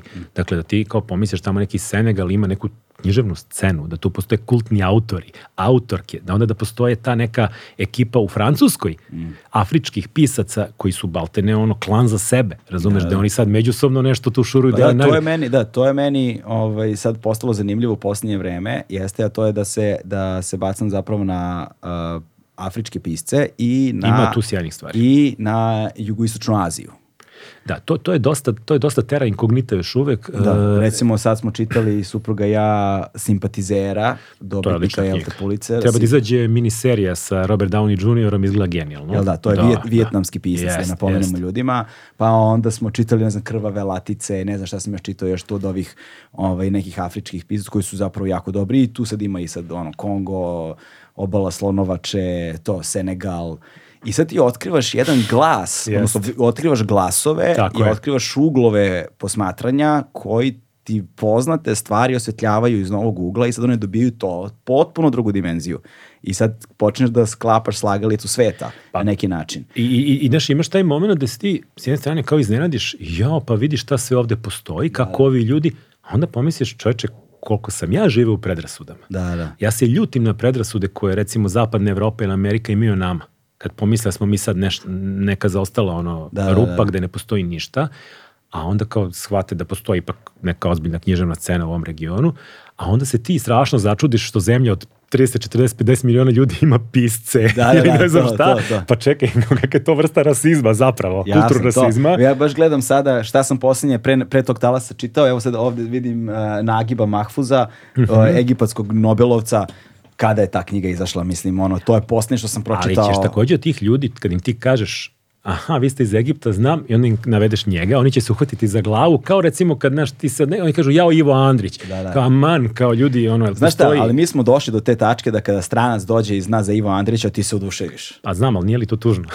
Pa tužno je, ali, ali je E, ali realno. to je rezultat isto, vidi, to je rezultat takođe odsustva kulturne politike. E, radeći u izdavaštvu ti vrlo lako možeš da detektuješ e, što može i da te povuče, a nije baš dobro, e, da se okreneš isključivo izdavanju knjiga da ćeš dobiti pare za prevod. I kad krene to da te vuče, to je jako veliki problem. Znaš, imaš ono evropski fondove koji ti daju recimo ono, pa tu moraš da objaviš neke dobitnike EU nagrade za književnost, da ima svega i svačega i dosta zapravo izdavača se ukopalo s tim, zato što su krenuli, aha, dobit ću dobre pare za ovo, i onda objave knjiga koje niko ne čita, oni kao izdavači izgube ugled i na kraju sve to ode. O, e, super je kad možda dobiješ grant. I super je kad ti za Tirzu daju grant. Da, da, da. Ali ne treba grant da ti bude motiv da objaviš neku knjigu. Ob, Jasno. knjigu objavljaš zato što misliš da je genijalna, što misliš da treba da se objavi, a ako još uz to postoji prilika da se dobije neke zato, pare, to je zo- super. zato se zoveš urednik. Pa biraš. Znaš, ali onda vidiš kulturnu politiku, recimo, vidiš kako skandinavci ulažu. Jer vidi, sve su to mali jezici. Koliko ljudi govori norveški? Pa ne mnogo više nego srpski, ali tako? Ja sam od Norvežana, ja sam stao kod, sa norveškim pisima, sam stao kod Knuta Hamsuna i nisam se mrdnuo. odavde. Jeste, ne znam da sam ali, čitao nešto. Ali, ali su oni, uh, ok, imaju generaciju sjajnih pisaca. On je Erland Lu, dakle on. Pa mislim da je on nervežanin, ali recimo imaš ovo Karl Uwek Nausgora koje smo mi objavili. Nausgora onda, onda, čitao. onda imaš ovaj, ovu Vigdis Jurt koju, koju je objavila, čini mi se, Štrik ili tako. To su vrhunski autorke i autor. Da, ja moram priznati da se meni ni Erland Lu uopšte ne dopada. Merlin Du je bio dobar prve dve knjige, onda je ušao u manir, ali dobro, prodaje se čovjek, kapiram ga. Pojenta je u tome da Norvežani će ti dati za jednog autora tri puta grant. Znači za tri njegove knjige, ne jednu, nego tri. I znaš ti koliko je to nama značilo da mi pokrenemo fenomen Knausgora u Srbiji. Jer kad smo se odlučivali da objavimo moju borbu, a on ti kaže, vlasnik prava, vidi imaš šest delova, treba da se kupe prava za njih. To košta toliko, pričamo o deseta hiljada evra. Da. Pa o riziku objavljivanja šest knjiga koji imaju 3.500 strana autora za koga ovde misliš da niko nije čuo, ipak su bili čuli. Da, da. A onda ti kažu ovi, dobro, evo, mi iz Norle ćemo da damo neki, pokrićemo taj prevod. I tebi to malo ipak skine neki teret i ti onda uletiš u to, rezultat je poznat. Ovo čovjek je postao kultni pisac ovde, ali bez podrške njihove te agencije ne bi toga bilo. E, Srbija, kad bi ulagala delić toga što ulažu neke zemlje u te stvari, kao Holandija, kao Švedska, kao Norveška, pa vidi, obrazovaniji čovek koji dođe sa strane bi verovatno rekao Srbija, ha, Velikić, Basara, ne znam, Srđan Valjarević, Vladar Arsenijević. Da. Dakle, ne bi bio Ivo Andrić samo. Zato što Da, je da. besmisleno. Andrić je čovjek koji je mrtav 50 godina. Ajmo da vidimo šta se dešava. aj- Ajmo žive pisce. Jer živi pisci su oni koje i mi objavljujemo kao buka i koji se ipak generalno u svetu čitaju. Tako da, to je pitanje kulturne politike, odnosno Nije 50, ideje. 40. 40, ajde. Ali hoću da ti kažem, pitanje kulturne politike, dakle, ima ono što se zove soft power. E, znaš, e, u diplomatiji je soft power ono kad određene zemlje nemaju ideju sad da će one biti vojno dominantne, ili ne mogu da budu i nisu možda najbogatije na svetu. Ali jako ulažu u sopstvenu diplomatiju, jako ulažu u sopstvenu kulturu, u umetnost, e, u arhitekturu, u, u dizajn i zapravo preplavljuju svet. I onda ceo svet zna za danski dizajn, razumeš? Ceo svet zna za, za ne znam, ovu kuhinju, ove automobile, o, ovu slikarsku scenu. Na taj način ti formiraš ideju neke. Koja je prva asocijacija na Srbiju? Sportisti. Pa ja, ja se nadam da jesu. Ja se nadam da jesu, ali ako ne pratiš e, tenis i košarku, A ne i- pratim, a, nemam a, a recimo ti ne pratiš i sad ti da si negde napolju, da li mimo bi možda eho nekih 90-ih, nekih ratova, nekih negativnih stvari, mi jednostavno uporno odbijamo da se rebrendiramo, mi uporno odbijamo da ulažemo u ono što imamo. Ne kažem ja da mi imamo Bog zna šta, ja ne patimo te mitomani, ne mislim da smo mi bilo čemu posebni, ali kao i svi drugi mi nešto imamo. Samo je pitanje kako ćeš to da spakuješ i da prodaš. Da. A država ima ta sredstva. Znači, ti kad vidiš kako se troši novac domaćeg ministarstva za kulturu i tih fondova, ti shvatiš da nije problem u količini para. Mislim, jeste.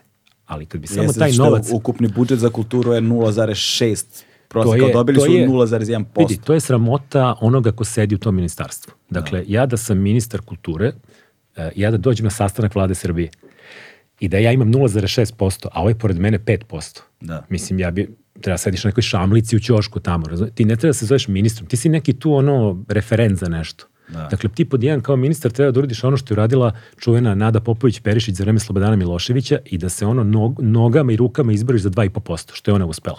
Šta god mi mislili o tom vremenu, mislim sve najgore, Da. ali ona je imala 2,5%. Da. A zašto? Zato što je imala neki autoritet izbrala se. Ovo danas su samo ljudi koji su posljedni da glume fikuse. Dok nemaš 2, 2,5%, nema o čemu da pričam. Ali čak i u ovim uslovima, kada je 0,6, kad bi se taj novac koristio za prave stvari, a ne za istraživanje, ne znam, Tarabića i slično, ko što se, jeli, ulaže, e, bilo bi malo bolje. Da. Znaš, a da ne pričamo o toj slici napolje. E, pa jeste, ali vidiš, sad još jedna stvar, ono, u vezi sa, aj sad direktno sa ovim, pa ću na ove druge stvari da se bacim, Ajde. jeste, to je kada, kada ti postane jasna ta slika. Znaš, ja, recimo, posmetram ovako, niko nema ništa posebno. Ni, ni jedna zemlja, ni jedna nacija nije ništa posebno u odnosu na bilo koga drugog. Svi su mi samo ljudi. Tako je. Stvar je samo u tome šta je ono, kulturna politika određene zemlje i Da li postoji uopšte? da li uopšte postoji, tako je, i u što su oni spremni da investiraju. Recimo, uvek će mi biti fascinantno da u vezi sa time pomenem, na primjer, kako je K-pop postao, ali to, znači, Ali to je stala država iza toga. Stala je država tu iza toga. nema, to kaže, jel, to je fenomen. E, to je planski sprovedeno. tako je. Znači, to je bukvalno napravljen plan, država je grunula lovu i oni to rade već decenijama. Tako je, tako je. Jer to je, nekom je pričao, radili smo neku priču o K-popu i ima kod nas velikih fanova K-popa koji su zapravo stručnjaci i poznaju dobro istoriju K-popa, tamo još od ono sredine 90. godina i u fazonu su zapravo, ne znam, u nešto je država investirala. Država je imala zapravo ideju da napravi neki nacionalni plan za ovo ili Mhm, za ono. I sve što su nešto pokušavali, propadalo im. I negde 90. godina su videli nešto, u ne znam u šta su investirali i kao dobili su neki rezultat, a onda su videli da je na recimo tiketarnicama, jel tako, na biletarnicama, a, tada se pojavio Jurassic Park neki, recimo, razvalio. I mi smo bili fazonu, čoveče, kao ova Amerika je osvojila svet filmom i muzikom. Tako je. Pop kultura. Pop kultura, hajde da investiramo u pop kulturu. Tako I je. oni su to investirali, ide. krenuli i vidi šta su napravili. Pritom i na ruku im je išla globalizacija i na Da, ruku da, im da. je išao razvoj modernih tehnologija. Da. Nekad bi trebalo mnogo više vremena. Danas sa dva klika Ima- imaš ima- ono na YouTubeu da pogledaš šta hoćeš. Da, ima, ima, ima Branko Milanović uh, odličnu knjigu o globalizaciji Mhm. koja se zove sada ću, ne mogu da se setim ove sekunde i pokušam Neki izgooglaju ljudi Branko Milanović da, Branko globalizacija. Milanković, da, ima, da, ima, ima odlično, ba, kojeg baš govori o tome šta je globalizacija učinila za globalni rast takozvane srednje klase i za to negde, um, barem na kulturnom planu, postavljene stvari na jednu ravnopravnu ravan u velikoj meri. Internet nam je to omogućio. Ali je stvar u tome da bi se naši autori i autorke ono, videli, ne, mora da postoji jasan plan iza toga. I sad to je, to je ono, dakle, vraćamo se, jel te, na tu temu. Dakle, sad kao kad smo počeli da čitamo autore van velikih jezika Tako je. i van kolonijalnih, jel te, sila. to, to, to ne dolazi slučajno do tebe, sad to Tako sam je. ti rekao da, malo pre. Da, to. E, e, dobro si spomenuo Južnu Koreju. Južna Koreja je, to mislim, ljudi ne znaju, ali Južna Koreja je do sredine 80-ih bila vojna diktatura. Jer su oni izašli iz onog rata korejskog, nakon toga je vojna hunta bila na vlasti i oni su tek a, sredinom 80-ih stiljivo ulazili u demokratiju. Njima je jako mnogo značila olimpijada u Seulu za rebrendiranje. Oni su tu prvi put iskočili, zatim su jako poradili na svojoj te, a, tehničko-tehnološkoj sceni. Dakle, post, postali su ono drugi Japan. Pazi, mi smo bili tu blizu. Emerick Bloom je organizovao Jeste. olimpijske igre u A Sarajevu. plan- ima, 80. ima onaj moment e, planiranja e, kandidovanja Beograda za olimpijske igre. Da. 1992. Ne znam da li se sećaš toga? Ne sjećam se toga. E, ti si, ti si bio klinac tada, ja se toga vrlo dobro sećam. Dakle, Beograd je bio ozbiljan kandidat za olimpijske igre 1992. godine i to se dešavalo negde 86. 7. I to je pravljeno na državnom nivou kao projekat. Međutim, bio je problem što zapravo država u tom trenutku već počela polako da se raspada. Ali ipak se odradio jedan dobar posao i sećam se, čak i postoji promo song gde tadašnja neka druga, treća pevačica Zane pevala pesmu Belgrade, my Belgrade sa sve snimcima iz aviona i sve to izgledalo jako dobro. I Beograd recimo ima neka tri nivoa glasanja, Beograd je bio prošao drugi krug. I onda je ispao i onda je u finalu Barcelona pobedila ne znam koga. Dakle, nije to bilo tako daleko i nemoguće. Uz malo jače lobiranje, uz, da, da je bila jača država, možda bi se nešto desilo. Onda su se zezali, e, da smo dobili olimpijadu, ne bi se raspala Jugoslavija, jer kao svi bi želi da se slikaju na otvaranju olimpijade. Da, da, da. Ovaj, dakle, mi smo, mi smo nekim tim putem planirali da krenemo, ali su se nama desile neke druge stvari. Ok, desile su se, prošle su, 90. su davno iza nas, ali i dalje ti vidiš da zapravo ne postoji nikakav plan i program. Dakle, jedini Ništa plan i da. program je, dakle, ekipe na vlasti je da što duže ostane tu i da se što više koristi. Nažalost, ne postoji ni ona mala trunčica nekog altruizma, neke ideje da se društvu nešto vrati, da se uloži u ovo društvo, da to društvo bude bolje. Što je meni zaista fascinantno, jer, znaš, kao, iz, od, kad je društvo bogato, lakše može da se ukrade. Ali ovde ne postoji ni taj nivo razmišljanja, čak ni pametnih lopova. I meni je to, to, to negde večita, večita žal, jer mi smo ovde imali jako neki kratak period kada je delovalo da neki ljudi se nalaze na pravim pozicijama i da oni mogu nešto da povuku. Nikad nije bilo idealno, ali re, a, počelo da liči da neke institucije dobijaju neke svoje konture, jer zapravo uslov da država bude država su institucije. Jasno. Ako su jake institucije, nije bitno ko je na vlasti. Da, i onda, se Međutim, postavlja, da. i onda se postavlja pitanje ko od naših autora i zapravo ima bilo kakvu prođu na stranom tržištu. Pa prolaze ti autori, kažem ti, evo, Dragan Velikić ima 20, na 20 jezika je sigurno preveden. Dakle, to... Šta je njegovo prevedeno? Kroz ruski prozor? Šta? Pa, svašta nešto, Vija. Pula, ruski prozor, onaj islednik. Da, Čovjek ima dve ninove nagrade, što ipak napolju znači. Dakle, kad ti kažeš da imaš najveću državnu, mislim nije državna, ali na, nacionalnu najveću nagradu za književnost, to ipak pogura tamo. Drugo, on je čovjek domaći u Austriji, bio je tamo i ambasador, izvrsno govori jezik, e, mnogo znači to za promociju. Dakle, ako pričamo o srpskih autora, on i Basara su definitivno najveće face. Ovaj, regionalno definitivno dobro, pokojna Dubravka Ugrešić. Da, ona, je, da, ona da. je bila, bila jako, jako, jako ovaj, uspešna i naravno Miljenko Jergović koji je isto preveden na 20 i nešto jezika i koji recimo ona nekim tržištima tipa Poljsko ima status ozbiljne književne zvezde. A kad pričamo o tome, to su tiraže 40-50 hiljada primjeraka. Da, dakle, mislim, to, su, to su velika Po- tržišta. Poljska je ono 50 miliona stanovnika, koliko je 60, I, 40? I to ljudi koji pojma. čitaju, da se razumemo. Dakle, sa ozbiljnom tradicijom, sa koliko Nobelovaca i slično. Da. Dakle, u Nemačkoj jako dobro prolazi i Velikić i recimo Jergović. Nemačka ti je zemlja sa 80 miliona ljudi koji čitaju. Da. E, evo je mali detalj čisto, ovaj, pa završimo ovaj, ovaj deo. E, Island Da. je zemlja u kojoj se po glavi stanovnika najviše čita. Njih ima 330.000.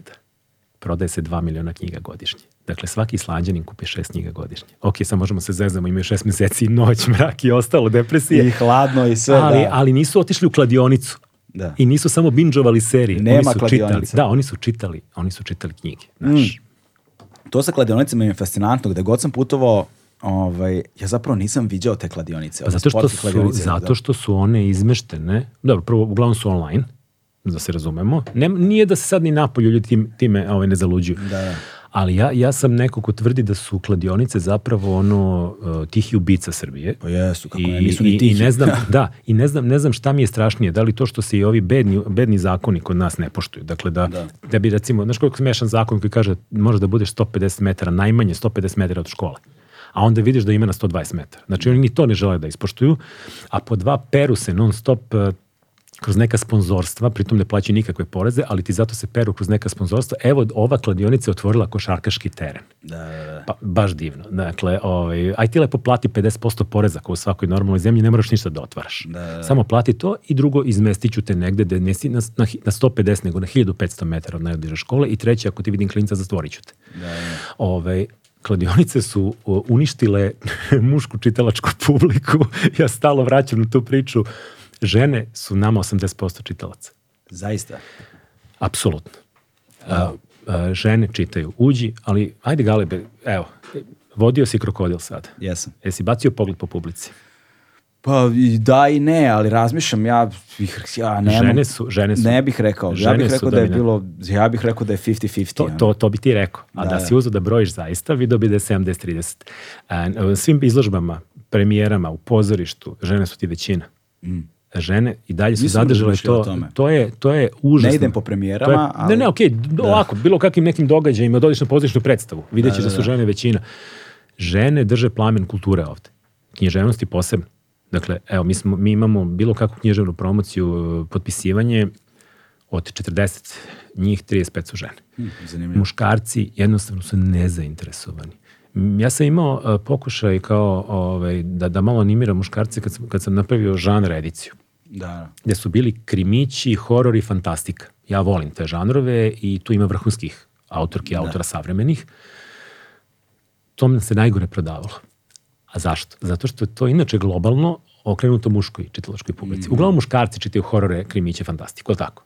Pa ne znam. Generalno jeste. Za krimiće većina. nužno ne bih rekao, ali za fantastiku i horore... Ali jesu, jesu, Okej. većina su. E, ovde kod nas te publike ne. Ili ima jako malo. A znaš kako, sad kad posmatram, ja sam se vukljao po tim uh, sci-fi i horor, ono, okupljenjima dugo godina. Lazar Komarčić išao, Pa da, verovatno, o- klub. o- da, o- da. Ono, znak sa gite, ne znam isto, i to, isto, znaš, ja sam e. tu odrastao, pa e, da. I, ovaj, i vukljali smo se tako i skup, sakupljao sam ta neka antikvarna izdanja, pošto, jel te, za vreme Jugoslavije smo imali stvarno i prevode vrhunske Edicija Kentaur, Da, sećaš kako Kentaur, su to to, knjige da. Ja da. sam, to je mene oblikovalo kao čitaoca, kao klinca. Apsolutno, znaš, i onda sad naći ta izdanja je malo Naravno. teže.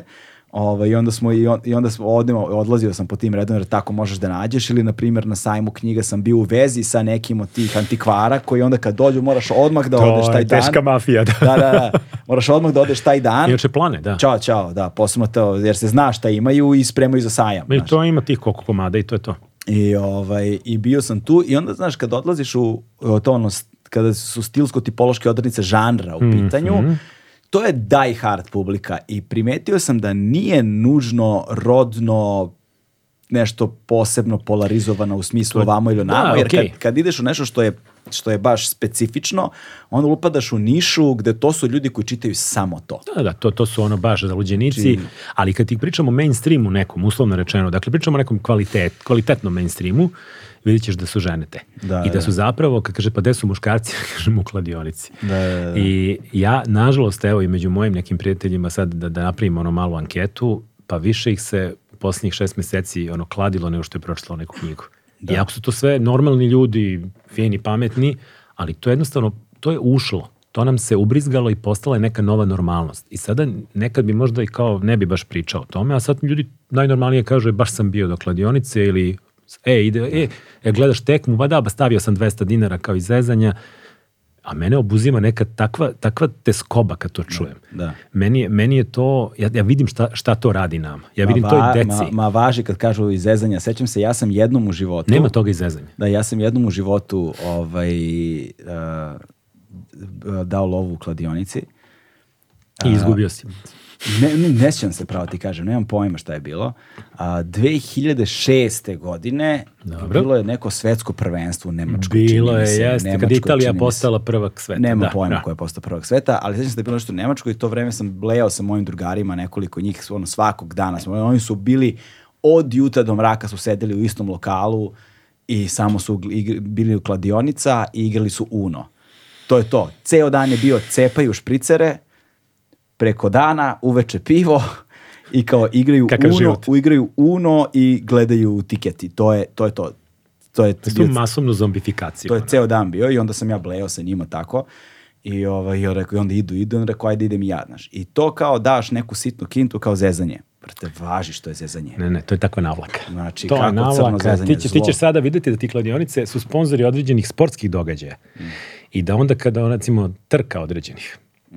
znači, ljudi trče, imaju, znaš, ove, skyrunninge i čuda i ostalo, i kao sad prijaviš se za trku i dobiješ onaj kao neki Broj. i daj bag neki tu neki znaš dobiješ od sponzora energetsku pločicu napitak i dobiješ 2000 tiket za kladionicu jer su oni sponzori Čekaj, ne razumijem, dobiješ... znaš kao spo- sponzorski paket si dobio Dobro, da, da, okej. I sad u tom sponzorskom paketu je, lupam sad, ovaj energetski napitak, jer su oni Ok. sponzori, uh, ne znam, lupam, nešto, neka čokoladica, jer kao da pojedeš Ok, da bi se to. god, da. I pošto je sponzor i neka kladionica, dobit ćeš uh, tiket 2000, vredan 2000 dinara da odeš da se kladiš kod njih. Aha, kao ne, ne, moraš ti da daješ pare, Ne, ne, ne, dobio si poklon. dobio si poklon u Navla- vrednosti. Dobio to- si navlaku. Brat, nisam znao. Čekaj, to, Dobio to si. legalno uopšte? Je, pa u Srbiji jest. Proguglaj je li to legalno, brat? Jest, jest, sve je legalno ovde, iako nije koji, baš i briga.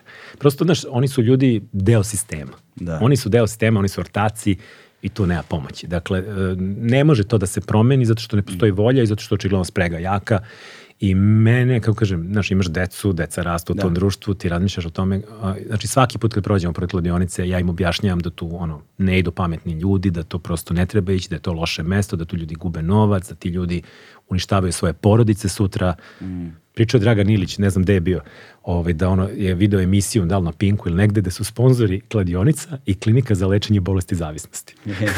u isto vreme. U isto vreme. Da, da, da. Pa mislim, vidi, to, to, To je to, to, da. je to. Ali vidiš, a, s druge strane, se vratio mi malo na ovo, Zanim- zanimljivo, mi, zanimljivo mi je to što a, u posljednje vreme sam počeo da primećujem, ima vas nekoliko izdavača koji radite jako dobar posao, u, zato što se orijentišete na neki način tržišno, znaš, ili kao pokušavate barem to da radite. I onda tačno primećujete da se dešava nešto, recimo video, primetio sam da je Flavio, znači on ima neka od najgenijalnijih izdanja, on Apsolutno. ima primer radi, znači čisto ono kao kako da prepoznaš nekoga ko se jako dobro razume, recimo Uh, jedna od meni najdražih uh, uh, pripovetki je pripovetka Krotka jel, Dostojevskog, koja je ono, sad o- otvoreno je za raspravu, ali prema mom mišljenju njegovo u, u, vrhunac njegovog umetničkog stvaranja mi je ta pripovetka i sad kao ali to si do skoro mogao da nađeš isključivo antikvarno izdanje. Da, da. Samo ono, ono neko predratno plavo izdanje, to kao to imam, imam to, to mi je kod kuće, ono, to nisam ovde ostavio. Ovaj, ona sabrana dela posljednja što su izašle, je. jel te? Dakle, i, um, i, i kao samo, samo tu ima, nema nigde drugde. Nikome nije napalo na pamet da napravi reizdanje tako nečega, ono, 50 godina i više, i onda vidiš kod Flavija da je kao krotka Dostojevskog je objavljeno, rekao, vrate, znam da će prodati nula primeraka, ali postoji da se uzme, što je ono fascinantna stvar. I s druge strane vidiš da je sada on počeo da daje ogromnu šansu ono, a, prvencima. Dakle, autor i autorke, je, poezija i svašta nešto objavljuje, masovno su krenuli. Primetio sam recimo geopoetika se otvorila za domaće autore. Moraš to da radiš. Moraš to da radiš, znači ti po, postaješ svestan ono, dakle, zahteva negde tržišta i to radiš. I sad, a kod tebe sam recimo primetio ogroman broj uh, autorki, dakle, akcenat na ženskim piscima, na spisateljicama, ovaj, i druga stvar koju sam primetio, aktuelna svetska izdanja. Pa to je od početka bio plan što tiče Jer, aktuelnosti jer da to, to nije bilo, jer to ako si hteo da čitaš To je skoro... meni falilo, Da. kao, kao Čim čitaoc. čitaš na engleskom Jest, ili ako jest, govoriš te jezike, jest. to je to. A pritom ne pričam ja sad o nekoj teškoj alternativi, ja pričam o kvalitetnim knjigama koji su su da bile u nekim nagradama, konkurencijama za nagrade. Da, Dakle, neki, otvoriš neki ono New York Times bestseller Vidiš, listu ali, ali kao ne ono sad kao bestseller onaj krš, nego pričamo o nečemu što je u konkurenciji za Pulitzera, National Book Award, Bookera, nije bitno. E, da, autorki su se nametnule. Znaš kako, mi kad smo krenuli, isto je bilo kao objavljaš nešto ti se, što u tom trenutku ti pratiš i sad tu su negde dominirali muškarci. Mm, Jeste. A onda krene vremenom, prvo provališ to i da je čitalačka publika mahom ženska, a onda provališ da kako ti stižu rukopisi na čitanje uglavnom na engleskom, da ti se sve više dopada nešto što, a pazi, ja čak i ne pogledam sad da li muško ili žensko, nije mi bitno, nego kao ovo je dobra knjiga, ovo je aktuelna knjiga, ja onda tražim izdavača mi pošalje, agent mi pošalje I kao krene, vidiš da te radi. Da, da. I onda shvatiš da je to žena napisala. U, baš cool, ajmo. I onda shvatiš između ostalog da će na kraju krajeva i te knjige koje pišu žene biti bliže toj publici koja je takođe ženska, mm. jer iskustvo im je potrebno. Žene su, s druge strane, opet moram da, da ih pohvalim, otvorenije. Znači, ako se pojavi muškarac pisac koji progovara nekim kvalitetnim glasom, one će ga čitati. I čitaće ga, čitaće i Knausgora, čitaće i Uelbeka, čitaće i Grunberga i, i one su zapravo i te pisce koji su so-called muški pisci izdigle ovde i svuda u svetu. Muškarci su tu malo isto veći problem. Znaš kao, šta ima ja da čitam žene? Mislim, ne može ništa gluplja da se izgovori. Mislim, Jasno, da. Ti ne želiš da čuješ drugu stranu, ne želiš da čuješ ženski glas. Misliš da on nije dovoljno autentičan ili utemeljen ili šta. Misliš da su jedini pravi pisci muškarci, oni što sede za velikim hrastovim stolom i pišu velike istine. Hajde, molim te. Sa tradicijom dugom skoro tri decenije, Legend Worldwide je prepoznatljiv domaći brend sa akcentom na jeans, pre svega, koji odlikuju bezvremenski, klasični modeli. Zapravo žene hvataju ovaj zeitgeist, znaš, one, one, one mnogo dublje i, i kvalitetnije proživljavaju ovo vreme u kome živimo i bolje ga kapiraju i bolje ga prikazuju. I, to, I tako da se u stvari, to nije bio plan, to se prosto desilo. I sad kad sam pogledao prošlogodišnju produkciju našu, od znači 22 knjige, tipa 15 su žene. U najprodavanijim knjigama u pet su četiri žene. I to je, to je nova realnost i to je ono što se na kraju moralo desiti, jer to je godinama, decenijama, stolećima bio muški zabran. A onda si došao u situaciju da su jednostavno žene to polako došle zauzele svoj prostor. Muškarci su u nekoj defanziji, da su kladionicama ili šta rade, ne da. znam, ali nije ni bitno. Bitno je da mi sad čitamo neke drugačije knjige, da mi čitamo neko potpuno drugačije iskustvo. Znaš, ti kad čitaš i ove regionalne autorke, Rumenu, Lanu, Olju Savičević, da. Đorđicu, mislim, to su to su fenomenalne stvari. I meni, meni njihovi glasovi isto jako prijaju. Da, ja bih dodao Lamiju Begagić. Lamija je super. Da. Lamija je super spisateljica. Da. Ona je ona je sve vremeno objavljivana, mislim u Rendov ili tako negde i to, to, to su ovaj to, to, to se meni jako dopadalo. Do, do, do, do ovih Senku Marić. Senka Marić jeste, ona je, ona je Kicungi iz, tijela je ona Kicungi napisala. tijela o svom se... iskustvu, bolesti i slično. Ona je valjda, ona je isto. Mostarka, ako se ne varam, kao i ova naša Magdalena Blažević, kao i Marko Tomaš. Fenomen, u Mostaru ih ima. Fenomen Mostara, malo, malo grada sa ono, mnogo krokodila. Da, da, da, da, da, da. baš, baš je jak. Ima, sad mislim glupo mi je da što nabrajam, izostavit ću ovaj, ovaj neku od njih, ali ima tu, pritom da ne pričamo o, no, o novoj sad ekipi pesnikinja koje su se pojavile, koje recimo deo njih objavio Flavio, deo njih je objavio ovaj, eh, Zvonko Karanović u Enklavi. Mm. To su, to su ono, od, od uh, Ognjenke Lakićević ovaj, pa nadalje. Dakle, to su, to su sjajne autorke. I došlo je prosto do tog nekog novog poredka. da. I to je super. I to, to, to i drugi izdavačke kuće prepoznaju i daju im šansu. Takođe, jako je zeznuto oko tih debi, novih rukopisa. Znaš, kad si mali izdavač, dobiješ svašta nešto. Znaš, i ljudi pišu, pišu, pišu, pišu. I sad tu svega ima. I onda smo u jednom momentu skapirali da moramo nešto da uradimo s tim ali kaj da napravimo nešto toga da, da to opet bude neki događaj, da se nešto tu desi, da, da, da privučemo pažnju ljudi. I onda smo pre godinu i po dana osmislili tu priču oko ovog kao godišnjeg konkursa e, Bukinog za najbolji neobljeni rukopis za roman. Aj, krenemo od romana. Tu ste objavili Miru Drljević. To je, tu smo objavili Miru Drljević, e, isto, pazi, mi smo prošle godine to raspisali. Ali eto žanovskog romana. Eto žanovskog romana, u stvari romana koji e, uspešno koristi e, alatke žanra da bi ispričao neku jako ozbiljnu priču. E, imali smo sreće, desilo se sponzorstvo jedne banke, hvala im tome i ovaj, podržali su nas u smislu da imamo novaca da to malo bolje sprovedemo i da damo dobru nagradu. 575 rukopisa smo dobili. Mm. Sad to je bio žešće, ono, trijaža, sve na, na, kraju, na kraju se nekako Mira baš izdvojila, eto opet, žena, autorka. Yeah. Ovaj, ta knjiga je od novembra kad je objavljena do danas prodata u 5000 primjeraka. Ona je debitantkinja. Ja nikako da upamtim naslov tog romana. Niko nije zaboravljen i ničega se ne seća. Tako je, niko nije zaboravljen, ničega se ne sećam. Komplikovano to. Odlična je knjiga, Mira je sjajan lik i Mira je debitantkinja u 52. godini, što je isto meni super poruka za sve one koji su ono ceo život nešto drugo radili, nisu mogli se posvete onome što su želeli, a zapravo su želeli meni to da je najbolji primer za to Jose Saramago. Kad koji, je on počeo? Pa on nije napisao prozni red, ja mislim pre 65. ili tako nešto, sa 80 dobio Nobela. Pogledaj. Znaš, A dobro, da- sakupio je, sakupilo se. Tako da, ovaj, eto, i šta se desilo? Desilo se zapravo da, vidi, što kažem, živimo ipak u društvu spektakla. Da, jeste. I. I mi negde moramo da od svega pravimo neki događaj ako želimo da privučemo pažnju. Ti opet zaplivalo nešto? Da, opet mi je neki insekt ušao u vodu, ono. E, super je stvar kad ljudi čuju da je neko dobio neku nagradu. Oni instinktivno se okreću ka tome. Da. Mi da smo objavili Miru Drljević kao, ej, otkrili smo nekog novog super je kao vaši. Prodali bismo hiljadu, hiljadu i po komada. Ovako kao dobitnica te naše nagrade, pobednica konkursa, ona je na kraju ušla i u najuži izbor za Ninovu nagradu. Vidi, što je fenomenalan uspeh. Na kraju ta knjiga došla do publike, što je meni najvažnije od svega. Kad imaš ono 5000 u Srbiji, ozbiljan tiraž. Da. I meni je užasno drago zato što je Mira glas koji zaslužuje da se čuje.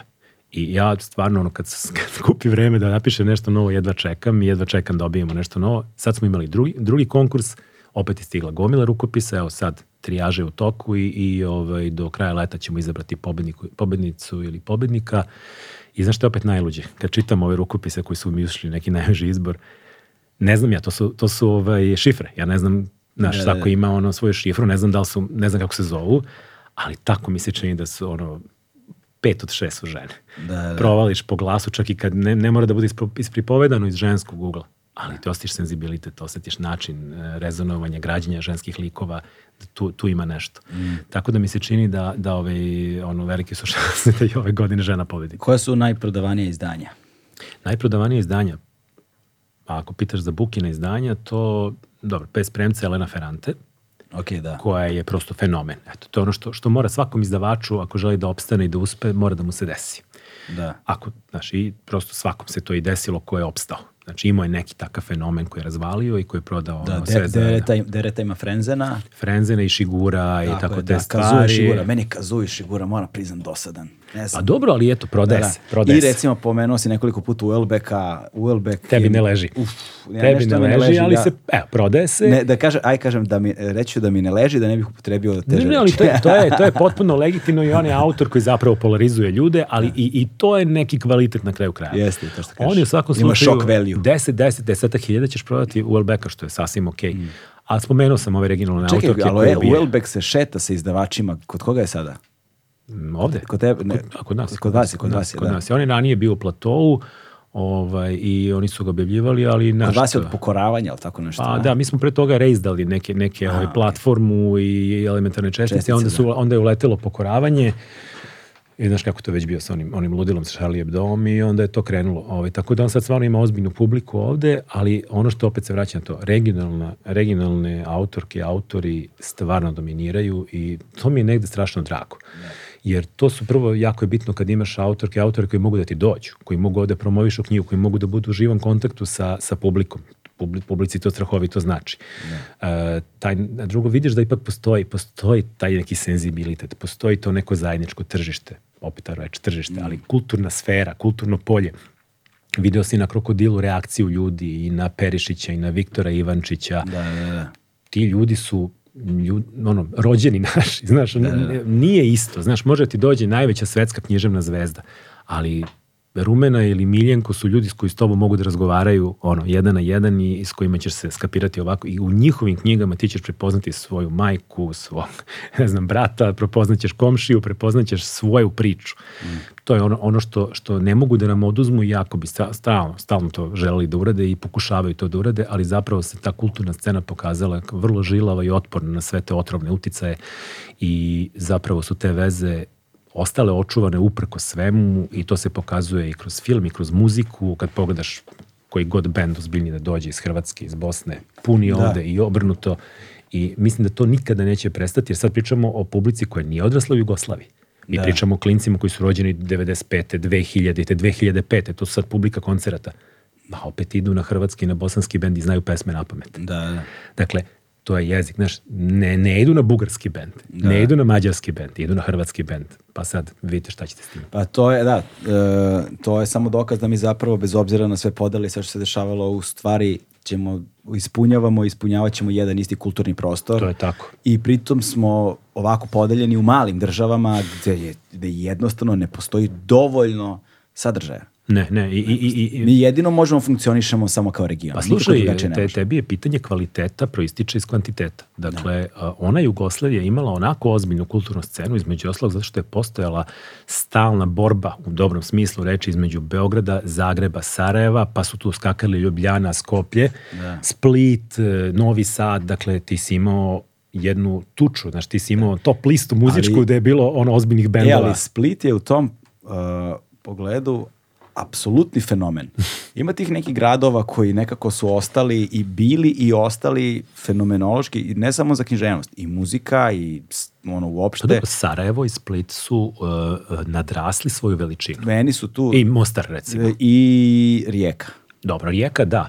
Rijeka je ono... A provanjuješ da, da, te, da te velike luke zapravo imaju svoj. Sem svoj Sarajevo nije baš luka. Ne, ne, nije, nije, nego pričam, pričam o ovima, da, da, da, da, ne, ne, ali pričam o ovima, dobro, to je Bosna, Da, to je da, Bosna, da, da, to, da, to je da, posebna da. priča. A pričam o ovim lukama, oni su valjda bili na izvoru, znaš, tu Mm. su dolazile neke stvari, to, to, to, je, to je postala uh, neka globalizacija preglobalizacije, znaš, i, i tu je bilo i dobrih i loših, znaš, kad ti pričali gde ima najviše narkomanije, u Rijeci i Splitu, Da. zato što stižu brodovima razne stvari, a zato je bilo najboljeg rock'n'rolla, zato je bilo fenomenalnih autora, zato je bilo dobrog futbala, znaš, Za futbol već ne znam. Ali, ali, kažem, ali, da. znaš, ali, ove, ali, na, punk, u riječki punk, riječki Naravno. izdavači, uh, ono, generalno riječka umetnost i prosto, ono, nekako, čini mi se, to, uh, psihološka konstitucija građana tamo, Kvarner, meni se, meni se čini Istra, da je, meni se čini da je Rijeka bolje ostarila od Splita.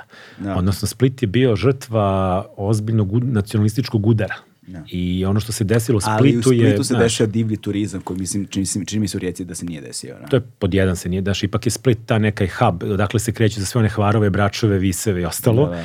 A, Rijeka je u mnogo manjoj meri to. A, druga stavka je, e, ne znam, znaš, u Splitu se desilo čudna neka stvar, to ono, imao si Boru Dežulovića koji je pričao o tome, e, Ante Tomić, mislim, cela ta ekipa sjajnih ljudi koji su negde tamo bukvalno prokaženi. Znaš, od, e, šta je Split bio čoveče, simbol jugoslovenstva i partizanstva. Šta je Hajduk iz Splita bio nego jugoslovenski futbalski klub ono koji je igrao za vreme drugog svjetskog rata. Šta se pretvorio? Znaš kao pretvorilo se da tamošnji ono bukvalno ustaštvo je ustaštvo zavladalo da ne znam maltretiraju ove ove sjajne pisce. Rijeka je od toga uspela da se sačuva jer je Rijeka zapravo kod Istre i gravitira tom nekom delu gde HDZ nikad nije pobedio, gde je ostala održana ta neka ne, neću reći jugoslovenstvo, mislim to, to je besmislena reč u ovom trenutku, ali prosto on ne, ne mrze nikoga, znaš, i to, to, je, to je mnogo različito u odnosu na ovo. Tako da, e, kad odeš danas u Rijeku, Rijeka mene jako podsjeća recimo Trst. Da. Rijeka ima tu otvorenost prema moru, te trgove, to je jedan lep austro-ugarsko-italijanski grad koji je uspeo da se očuva, što kažeš nije ga pojao turizam. Split je malo jeziv. Da.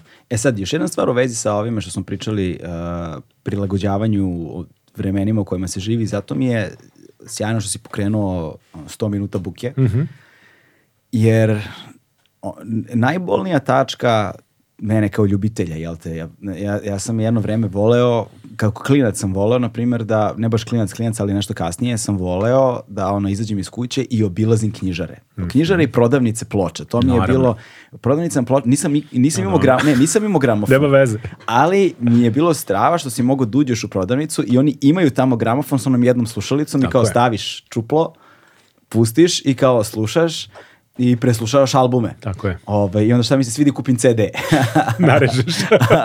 ne, pa jeste, razumem, nisam imao to ploče. je bio nisam ga- krki showroom. Pa jeste, znaš, to sećam se, ovde sam u Makedonskoj stalno dolazio. Jeste. Ovaj, tu je bilo... A bio PGP ovde, a gore je bio Ne, Jugoton bi- ne, u bio, Rušićevu. ne, nego je bio, bio je pasaž, mislim i dalje taj pasaž Aha. postoji, pa je bio neki kafić, mislim da se zvao Infinity Cafe, ili tako nešto, u prolaz, pa je bio dole u podrumu, a sa stre- desne strane je bila prodavnica ploča, je Mhm. tu bila, bilo je nekoliko mesta gde smo stalno išli, ovaj, da, da preslušavaš, O, ulazili, ulazio sam u, u knjižare sam ulazio iz dva razloga, a prvi je ovaj, zato što su imali strane časopise Tako je. na koji si mogao sve pretplatiš. I onda sam ja tamo čitao ono Source, Vibe, te kao neke reperske časopise, pa sam onda, bili su ovi skaterski magazini, Aha, aha, a, znaš, kao, a, bili su skaterski magazini, bili su BMX magazini i onda ti to uzmeš pa listaš, kao kupit ću nešto, ono, tri sata pročitaš sve što ima da se vidi. Mislim, časopis košta 1000 i po dinara. Mislim, Znaš, baš šta, da ga kupiš. gledam šta ima novo od trikova, šta ima novo od grafita, znaš, Ne, ono, tako, ja sam tako ove muzičke i filmske časopise. tako je, da. znaš, bio je moj Mojo, bili su ovi oni. Q, Mojo, E, Enemy, tako Melody Maker, da. I onda gledaš šta ima novo, pa ti se to listaš, listaš, listaš, a onda batiš pogled malo i na stripove i na knjige. Znaš. Naravno. I, ovaj, I tu zapravo su počele da se izdvajaju neke knjižare, zato prosto je sad tu ono, ko ti radi u knjižari. To je Apsolutno. toliko važno. Jest, znači, znači, jest. kada imaš nekoga ko će da te pročita i da ti preporuči. Tebe da pročita, ne knjigu. Znaš, ali Naravno, su i knjige naravno, naravno, naravno. Kad ume da ti- neće ti uvali. Znaš, da, neće da ti uvali. To, Hoće da se vratiš posle. Da, Da, kažeš, da. jao, kako si mi dao dobru knjigu, daj mi još nešto ovako dobro. to, to, to. Ali to vidi, ja sam ko klinac uh, radio, uh, jedan od prvih mojih poslova je bio, ja sam radio u videoklubu. Posle sam otvorio svoj videoklub 90-ih. To je potpuno ista stvar, suštinski. Dakle, ti si neko ko je filter. Da. I ti odgledaš gomilu đubreta, pazi, ima publiki za đubre, da se Da. razumemo. Ali to je uređivanje, opet se vraćamo Opet na uređivanje. uređivanje. Ja sam, ja sam, ja kad sam i držao video klub svoj, to je bio opet neka vrsta butik video kluba, dakle, nisam držao gluposti. Znači, nije bilo pornića, nije bilo glupih akcija, nije bilo ono budalaština. A, znači nije bilo pornića, nije bilo onih akcija. sa Nije bilo pornićima, akcija, da, da, to, pornićima. to, to, E, to. I onda sam, ali znaš kako eliminišeš opet neku publiku na taj način? Kad dođu vide da to nema, ne dolaze više. Znaš, Da, ali ti, ali, ti ne dođu, ali ti ne dolaze klinci ovaj, koji bi da rentuju pornića, ne znaju kako, E, pa razumeš? to, ne, to, to, to, sam, to sam doživio kad sam radio u drugom videoklubu Aha. i kad sam ono, naslušao se najglupljih izgovora na svetu, ovaj, niko ne uzima za sebe, svi uzimaju za kuma, ortaka, brata i ostalo, da, da. ali traže neke saradnjom, znaš, da, kao se nešto, da ne bude samo akcija ova, nego da nešto i pričaju, tako da, to je, to je piš poseban. Ali ja sam recimo, znaš, opet, opet je to kao neka škaš uređivačka politika, znaš, napravio sam tako videoklub koji je furao kao kvalitetne stvari i opet si ti tu ima, znači, bukvalno kako ti na vrate uđe čovek, ti si ga već naučio. I ti znaš šta smeš da mu daš, šta ne smeš. I znaš, ono, kad on kaže, kakav je film, ja kažem, nije za tebe. Da, da, Znaš, i sad ti tu rizikuješ da on bude u fazonu, kako ti to misliš, nije za mene. Vidi, uzmi, ali nemoj da bude posle da sam ti uvalio i zaista stekneš poverenje kod njih. E sad, ja imam sreće sa ekipom, u, sa ekipama u knjižarama ovi našim, to je, to je isto super, super jedna, jedna priča, dakle, 95% ljudi koji rade u Bookstore knjižarama nisu iz Beograda. Dakle, to su sve klinci koji su došli u Beograd da studiraju, uglavnom filološki ili filozofski fakultet, završili i sad, znaš, žele da ostanu u Beogradu jer nema perspektive, nažalost, tamo odakle su došli. Čak ima dosta koji su poreklom i sa Kosova i mislim, tek on nema gde da se vrati. I to su deca koje su strahovito vredna i jako kulturna, jako lepo vaspitana i generalno kad zapošljavamo ljude, znaš, jedan, osnovni, osnovni neke, nekakvi kriterijumi su da imaju uh, kućno vaspitanje i neku socijalnu inteligenciju. To ne možeš da ih naučiš. Sve ostalo se da naučiti. Usput, oni jako vole knjige, jako, jako ih puno čitaju i zapravo su oni sad taj neki filter. Dakle, ja niti želim da visim u mojim knjižarama, niti želim da, da, da sad stojim njima nad glavom, dakle imaš neku, neki odnos poverenja prema njima i gledaš kako rade, ali generalno utisak mi je i komentari ljudi i kako to se funkcioniše je zapravo da su oni super izbor i da su oni neko koji ima onu tačno dobru meru da, te, da ti ponude pomoć, da te ostave na miru kad vide da, da si od onih koji mnogo vole da kopaju i da, znaš, da ne stoji nad glavom, ali ako zatražiš pomoć da ti je pruže. I ako objasniš šta želiš, da ti, da ti nađu pravu knjigu. I ljudi se vraćaju zbog toga. I u stvari ti knjižari čine knjižare. Oni su duša svake knjižare. I ja nemam baš onu logiku, recimo, znaš, kad to znam da veliki lanci rade, kao "Aha, ovi su ovde postali ekipa, daj da mi to razbijemo i onda ih sele ih stalno iz knjižare u knjižaru. E sad si radio na Novom Beogradu i na Petlovo brdo, znaš. Mi imamo stalne ekipe u knjižarama i u našim knjižarama zapravo rade uglavnom isti ljudi u, isto, u istoj knjižari.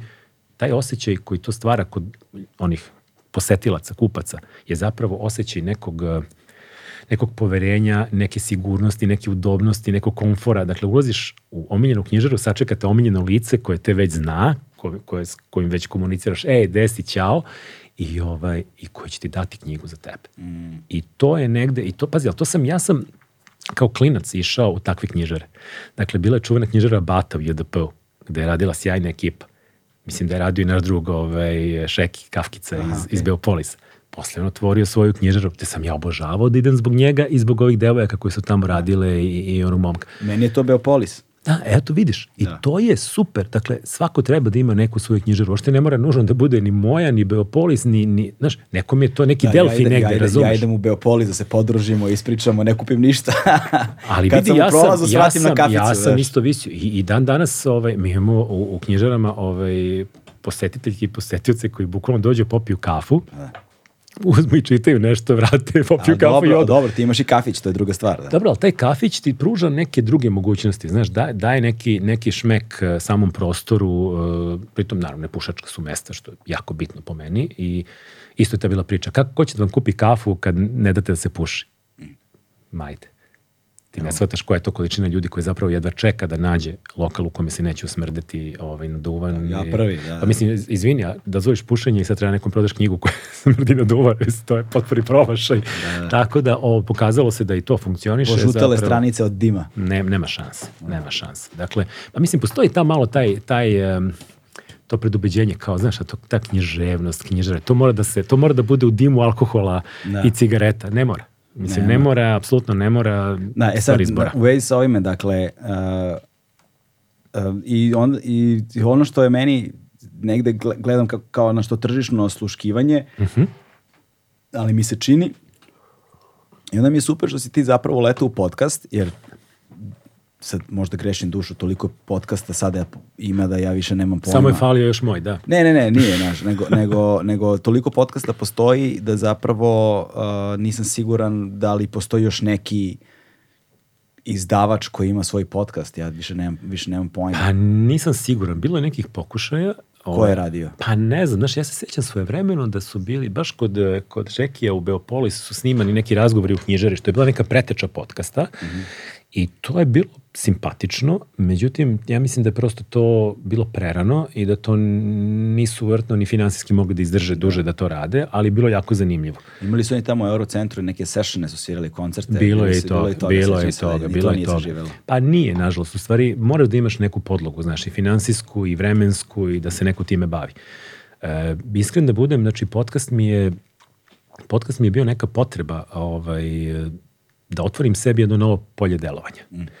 E, gledao sam šta to da bude i zapravo e, negdje iz čisto, čisto s- ličnog tripa, dakle meni, meni se jako dopada da pričam sa ljudima, s pametnim ljudima i mislim da tu ima šta da se ispriča i mislim da nikad nije višak podcasta. Mislim da ima dovoljno sagovornika ovaj, i, i, i za, za razne teme.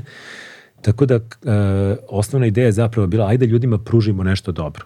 Dakle, ne možeš sad kao, ok, postoji tvoj podcast, postoji još nekoliko dobrih podcasta, ja pratim sve to i meni nikad nije previše. Da, da, da. Ja, ja bih svaki dan tri slušao, da ima Da, tri, da. da, znaš, slušaš i inostrane i domaće i regionalne, šta ima već. Ima ozbiljno na podcast kriza kad nema novih epizoda. E, Ili kad dođe drama. letnja sezona, ljudi drama, ne objavljuju. Drama, Drama, da. drama. Tako da uh, shvatio sam da imamo taj prostor knjižare. To može da bude na neki način dobar prostor za, za slikanje, da na, m, u, onako usput malo promovišeš tu knjižaru da bude vidljivija i ajde kao da probamo. Dakle, amb, znaš, nisu neke velike ambicije. Ambicije su da, da to zaživi, da, da vremenom kroz neki Patreon i kroz možda nekog sponzora to postane malo samo održivo, dakle nije sad to ideja da se zaradi, ali je ideja da, da opstane. I ideja je da to bude isto još jedna platforma gde mogu ljudi koji imaju šta da kažu, nešto lepo da kažu, kad sam to postavljao u startu mi je bilo kao, ok, kako ćemo to definišemo? Pa definisat ćemo da u stvari zovemo ljude koji menjaju na bolje ovaj, ovaj neki svet u kome mi živimo, ovo neko naše okruženje.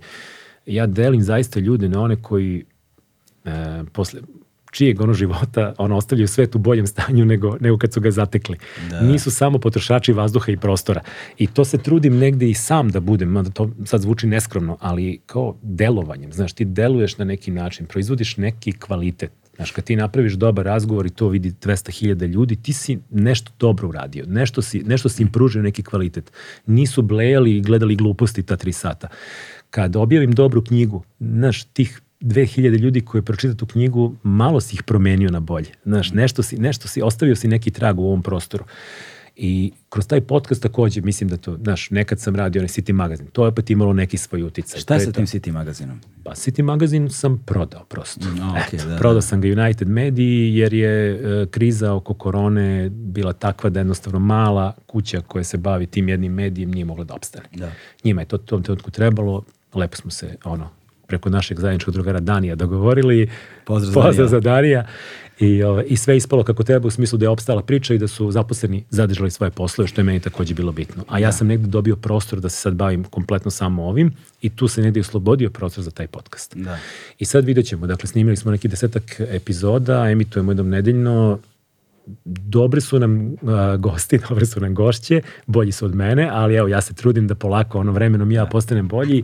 Dobio sam već pušima od komentatora, ali ti znaš kako to izgleda. Pusti čorava posla, kakvi crni komentari. Ne, ne, ne, okej. Vi- Ja, ja sam, znaš kao, trudiš se da budeš uh, svoj, a opet druge strane, naravno da ja prvi vidim kad nešto ne valja i prvi sam svestan gde sam zeznuo, ali malo, malo imam, uh, ti si rekao da ti ne čitaš komentare, ne baviš se Da, tim mislim, znaš, ja kad kažem ne čitam komentare, dakle, ne čitam komentare, ali to ne znači da meni ne uleti s vremena na vreme, znaš, nije to 100%. Naravno. Ali se trudim, znaš, i kad mi uleti, apsolutno ne pridajem značaja. Ne, ne, ne želim, ali ja imam višegodišnje iskustvo Razumem te. dresiranja sebe Dobro, u ti tome. si dugo u medijima i znaš šta to i znači. znam da nije jednostavno i znam da u ljudskoj prirodi je ono potpuno je kontra intuitivno ne čitati jer sve u Naravno. tebi ono Vrišti. vrišti da čitaš da ali vremenom se naučiš posebno što vremenom počneš da primećuješ uh, matricu. Mhm. Znaš, i ta matrica je toliko jasna i banalna da te onda vremenom i umorite već da se Apsolutno. baviš time i samo prosto izgubiš interesovanje. Ovaj, a ako se nešto zaista važno u komentarima desi, to će da tebe da stigne. Ne, apsolutno. Znači, stiće od tebe. Neko će od tvojih prijatelja da ti javi, neko će ti pošalje screenshot, neko će da ti ono... Ne, ne, stizale su stvari do mene, ali znaš šta je problem? Problem je, nije Nećete problem pro- šta se kaže, problem je kako se kaže. I ja sam, u sta, ja sam još davno, znači, pazi, dugo sam na mrežama i preko City magazina i preko Buke i to su ozbiljni Facebooks, Instagram i sa gomilom nekih komentara i svega. Ja sam jednu stvar u startu postavio ovako, dakle, ono što ne bih tolerisao uživo, ne tolerišem ni na mrežama. Da, da. Znači, ti apsolutno možeš da mi napišeš kritiku biranim rečima kulturno. I ja ću to pročitati, složit ću se ili se neću složiti, ne, odgovorit ću ti ako smatram da je neophodno, ja bih- ali, ali kad, mi neko, kad te neko psuje, kad ti neko spominje porodicu, kad ti neko počinje alo bre čoveče, da. izvini prijatelju, da li bi se ti meni tako uživo obratio? Pa ne bi smeo tako da mi se obratiš, niti, biti, niti bi ti dozvoljavalo... Trošenje vremena, energije na to. Znam, znam, znam, to, ne, to se, to se isfiltreri, to se isfiltrira samo. znaš, ali ja imam tu odnos prema tome da prosto određenu ekipu, postoje stvari zbog kojih blokiram ljude i apsolutno Da. nemam nikakvog, nemam milosti. Ja nisam nikoga blokirao. Ja ništa A. ne brišem, nikoga ne blokiram. Okej. Znaš, to mi je ono negde... Znaš, Brišem neki govor mržnje. E, Znaš, imao sam situacije recimo kada naša izdavačka kuća, jedina od svih izdavačkih kuća u Srbiji, izađe i podrži e, Pride. Da. I kažemo da je bitno podržati ljude koji su ugroženi u Srbiji, koji nemaju osnovna ljudska prava. Da. i da je to negde naš stav kao izdavačke kuće za kog stojimo. Vidi, to je shitstorm neopisivih razmera. To je meni takav divan lakmus da ja samo shvatim ko sve tu ne treba da bude. Da. Ti ljudi, znači ja tu uradim 500 blokova i završim posao. Vi ste na pogrešnom mestu, ljudi.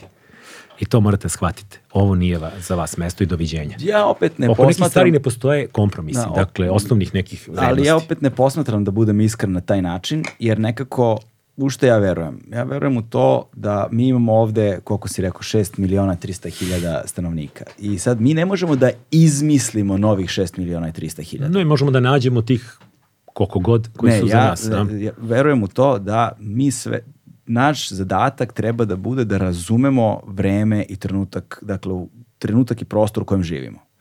I uh, svesni toga da prilagođavamo uh, svoje želje uh, trenutku i koliko mi kao ljudi ovog trenutka možemo sada da učinimo i šta je to što možemo da učinimo.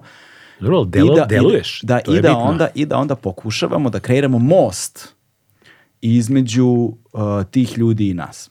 E sada, da li će ti mostovi vrlo često biti spaljeni? Hoće, znaš. Da li će vrlo često biti, ne, neće biti delotvorni? Istine, neće biti. Da li ćeš biti ono polivan kofama ovoga i onoga, bit ćeš, ali to je prosto deo tog trenutka i znaš, ono, mentalna higijena na čitanje komentara je jedna od, to, jedna od, je, je- jedan od aspekata borbe protiv ono, so, čuvanja sopstvenog mentalnog zdravlja.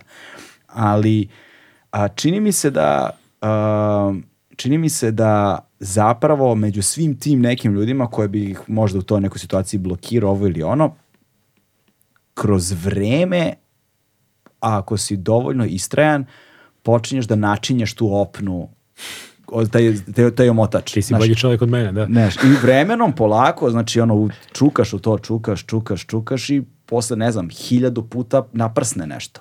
Moguće, vidi, ne, ne kažem da nisi u pravu, znaš, samo, samo prosto i postoji neka linija koju sam povukao, dakle, nemam problem sa neistomišljenicima. Dakle, oni će ali, uvijek postojati. Ali da li neistomišljenici se nisu susretali sa nemanjem istog mišljenja ovde veoma dugo.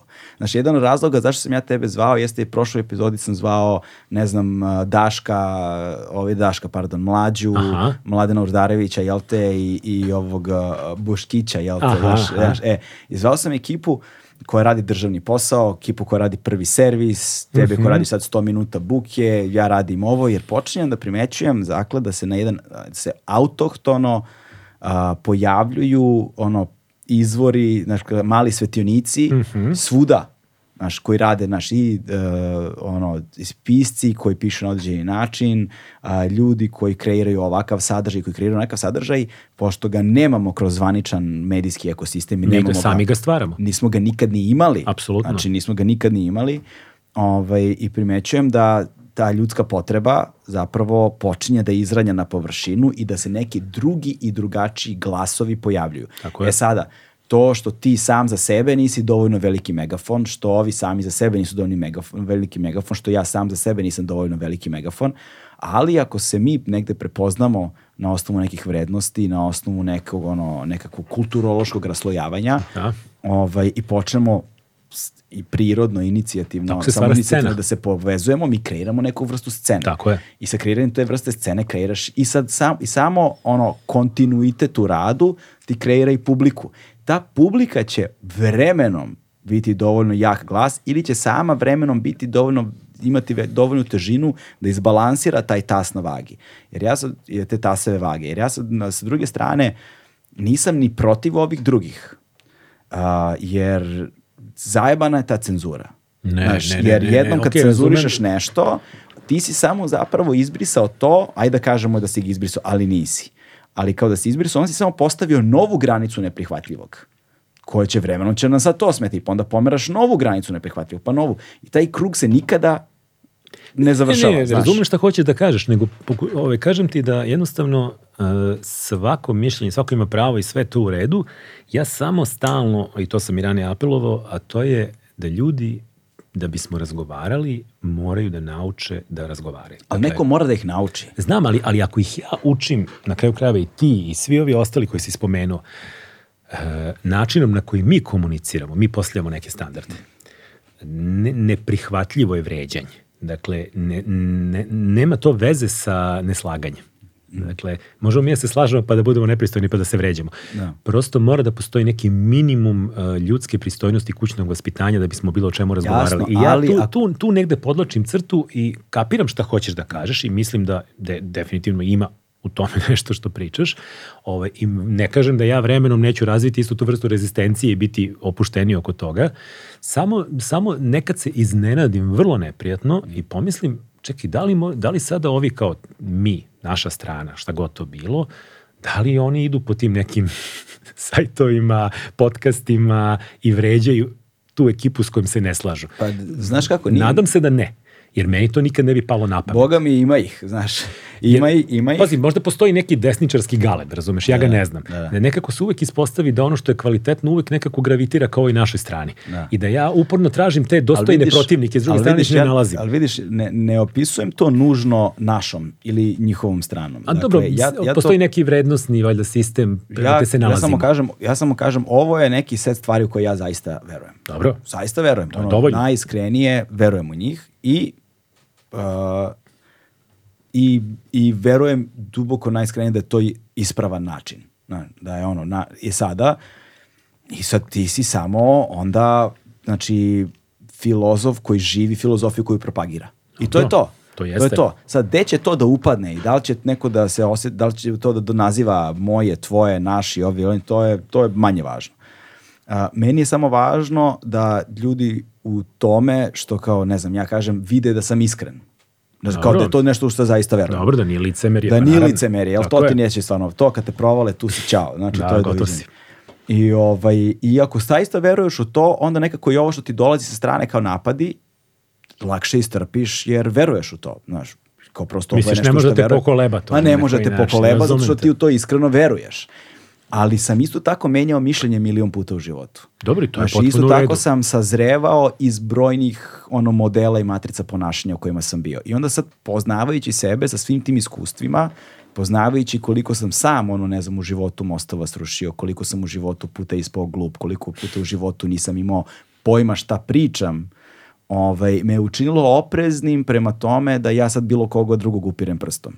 Znaš, ne To, kažem to da nisam razumem, to radio. to razumem, da. I onda nekako kad neko uzme i pa te, ne znam, polije kofom govana ono, u komentarima, znaš, to, to je sad opet negde više ogledalo te osobe nego onoga što ti radiš. Mene, mene zanima dakle dolazi ta količina histerije i mržnje. Pa, znaš, pogledaj da živimo. Ne, znam, znam, nego... Ali nije naš fenomen nije, lokalni, Nije, nije lokalni, o tome ti govorim. I me, mene to jako zanima koji tu sad e, frustracije postoje iza toga. Ko je, šta je iza toga? Koje je to lično nezadovoljstvo? Koje su to neostvarenosti? E, Ma ne možeš da posmatraš na individualnom nivou. Pa, verovatno ne mogu. Ne možeš i ne treba, ti samo treba da radiš svoje. Ja to tako vidim. Znaš, radiš svoje zato što to veruješ i bože, ti mrzi, samo ti mrzi, ali jebi ga, mrziš jedno, mrziš drugi put, mrziš treći put, Ono mrziš pet, ono što pazi, se- mrziš da. 15. put, čekaj, pa ti si 15 puta kod mene. Tako je, šta Samo radiš ti nastavi, do, samo nastavi dolaziš. Da, da, da. Samo nastavi dolaziš, E, znaš. Da, moguće. Ono što, čime se negde u nekom trenutku isto pomiriš, recimo kad se baviš e, izdavaštvom knjiga, ti negde barataš određenim brojevima koji ti, znaš, ono šta je isplativo, koje su to neke linije profitabilnosti i slično. I ti zapravo naučiš da se obraćaš relativno ograničenom broju ljudi koji naravno ti boriš se da proširiš. I ja nikad nisam bio izdavač koji je uživao u obskurnosti alternativi. Ja bih najviše volao da se svaka naša knjiga proda u stotinama hiljada primjeraka i da, da svi živimo divno od toga i da ljudi čitaju pametne knjige. I radimo na tome. to je dug put, ali radimo na tome. Ali s druge strane, shvatiš da zapravo ti ćeš večito, ako radiš nešto ispravno i kvalitetno i, i negde probrano i znaš šta radiš, obraćat ćeš se relativno ograničenom broju ljudi. Prosto, ok, iskočit će nekad nešto doći do 100.000 ljudi. Znaš, imaš ti, ti napriš emisiju pa dođe do 2 miliona ljudi, ali uglavnom dođe do 200.000, pa je kao to lepa cifra, razumeš? Sad, ja sam napravim podcast pa stignem do 10.000, a sudaram nogama u dupe, razumeš, to je super. Ali opet, znaš, znaš, nije to 6 miliona. Znaš, I nikad neće biti. Ali ima onaj moment da ti zapravo shvatiš da je to jedno dugoročno, kontinuirano delovanje koje pravi razliku. Tako. I kad recimo pomislim kao, čekaj, mi smo za 13 godina objavili 200 knjiga. Znaš, pre toga kad izlazi City magazin koji je, ono, sam se strašno borio da ima neki nivo informisanja koji pruža ljudima kvalitetan, da nemamo banalnosti, da ne idemo ispod nekog nivoa, objavljeno je preko 200 brojeva. Dakle, sve su to neka, neka delovanja koje su ostavila traga i koje su popravljala nešto, ubacivala neki virus nečeg dobrog. Znaš, ima ona stara priča, parafraziraju je često, neki kažu da važi za ovaj, prvi album Velvet Undergrounda, neki za prvi album Charles Akrobate. Kaže, jako malo ljudi je to kupilo, ali svi koji su kupili napravili su band. Da, da, da. E, ja se nadam da ovo što, što radim i što radimo i, i ljudi koji se spomenuo, dakle da ono, da će nastati neki bendovi od toga, ali, znaš? De, ali to ti kažem, ali tvoje je da radiš, mislim, tako, ne sad ne ti ja pričam, ali ja Ne tako te. vidim. Ti radiš svoje.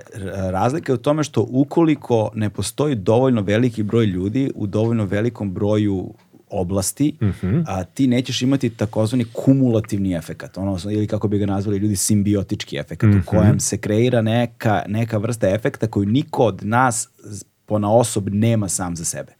Ali svi mi zajedno kreiramo taj efekat. I čini mi se, recimo meni je to bilo super, ljudi to, neki su to intuitivno prepoznavali, to se recimo ono na Twitteru videlo, recimo naš, ali a, opet je to strahovito mali broj ljudi, ali mi je zanimljiv fenomen bio recimo kada je Konstrakta pobedila na Euroviziji. Dobro. Odnosno to je pesma za Euroviziju, jel? te? Jeste.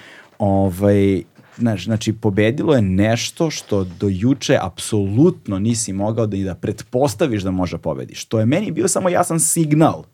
Jer, jer ona je apsolutno pobedila prema broju glasova publike. Jeste, jeste. Pusti žiri na stranu, glasovi publike. Dakle, wow, čekaj, znači ovo je neka publika gledala na RTS-u, a, šta god mislili o toj publici ili ne mislili o toj publici, sad i to je neki vrlo zavidan broj glasova koji je bio, ne znam, kojim se to brojima meri. ali- 40-ak, 50 hiljada, to uopšte nije malo. Nije da. malo, ali to ti je uzorak neke populacije koji je dominantno ovaj, prevladao tu i to je za mene bio jedan jasan signal, samo jedan signal. znaš. Onda s druge strane pojavljuje se, ne znam, na RTS-u serija Jutro će promeniti sve. Eto ga još jedan signal. Pro, i, uh, naš, pojavljuju se autori i autorke poput, naš, koji postaju popularni, poput Rumene, poput Lane Bastašić, op, opa, op, evo ga još jedan signal. Sad ti vidiš nekim, naš, Plus vidiš da to ima regionalni efekt. Tako je. Da konstrakta ode i napuni u Zagrebu. Znaš, to. I sad sa svim tim signalima onda se pojaviš, ne znam, ti sa svojim podcastom, sa svojim izdavačnom kućom, pojave se ovamo Newsnet sa ovim milionima, je, pojave se ovamo i ti počinješ da primećuješ da se odjednom u našem prostoru pojavljuju, koliko god da su mali, ali pojavljuju se i sve češće tako blistaju na trenutke ne pojedini fenomeni kulturološki koji, da budemo iskreni, pre 15 godina, ni- 10 godina nisi mogu da ih zamisliš. Dobro, ali to je opet kažem, ma, malo korišćenje i platformi koje su se pojavile umeđu vremenu, koje su omogućile to brže povezivanje. Ono što je meni isto... Ali menjaju se stvari. da menjaju kažem, se stvari, da, da, da, u nekom tom polju se menjaju, pruža, e, postoji publika za to. Dakle, pre- osnovni preduslov, sad ja ne znam šta je starije kokoške ili jaj, neki kažu napravi ga pa će doći, a opet kao da li ima, ima ko da dođe, to je pitanje, Pa ali, znaš. ali, mislim, obrazovanje je pokazalo, prosvetni sistem je apsolutno pokazao. Znači, brate, moraš prvo da počneš da deluješ. Apsolutno. I da deluješ kontinu, kontinuirano veoma dug vremenski period. Pa do- mislim da si u publiku pravu ćeš da definitivno, definitivno, jer to je ono što sam isto, kad sam rekao, kad smo pokretali izdavačku kuću, znaš, vrlo je neizvesno bilo, a zapravo... Delovanje je starije od zapravo, publike. Za, e, pa moguće, Da, mogu, da moguće. deluje. I zapravo ta niša koju ti praviš, ta niša je vrlo proširiva. Dakle, laktovi rade i ona se širi. I ti širiš to područje borbe, što bi rekao ovaj, ovaj omiljeni Wellbeck. Ono što je takođe bitno i što mislim da, da negde postoji u ovoj sadašnjoj trenutnoj priči o kojoj si sad, koji sad potegao jeste, drago mi je da vidim da postoji zapravo ta neka kolegijalnost.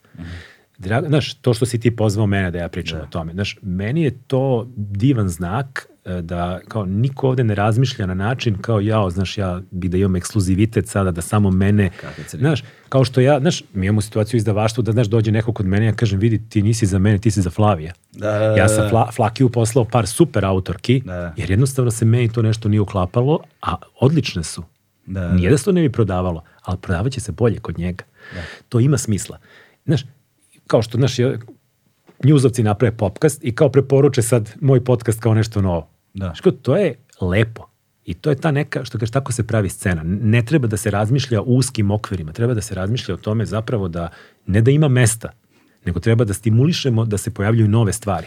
Jer, jer ono što je važno, čini mi se, mora da se kreira publika koja će na više frontova da postoji, od koje ćemo mi da jedemo hleba i To od, jest. koje ćemo, i od koje ćemo mi sutra da živimo u zdravijem društvu.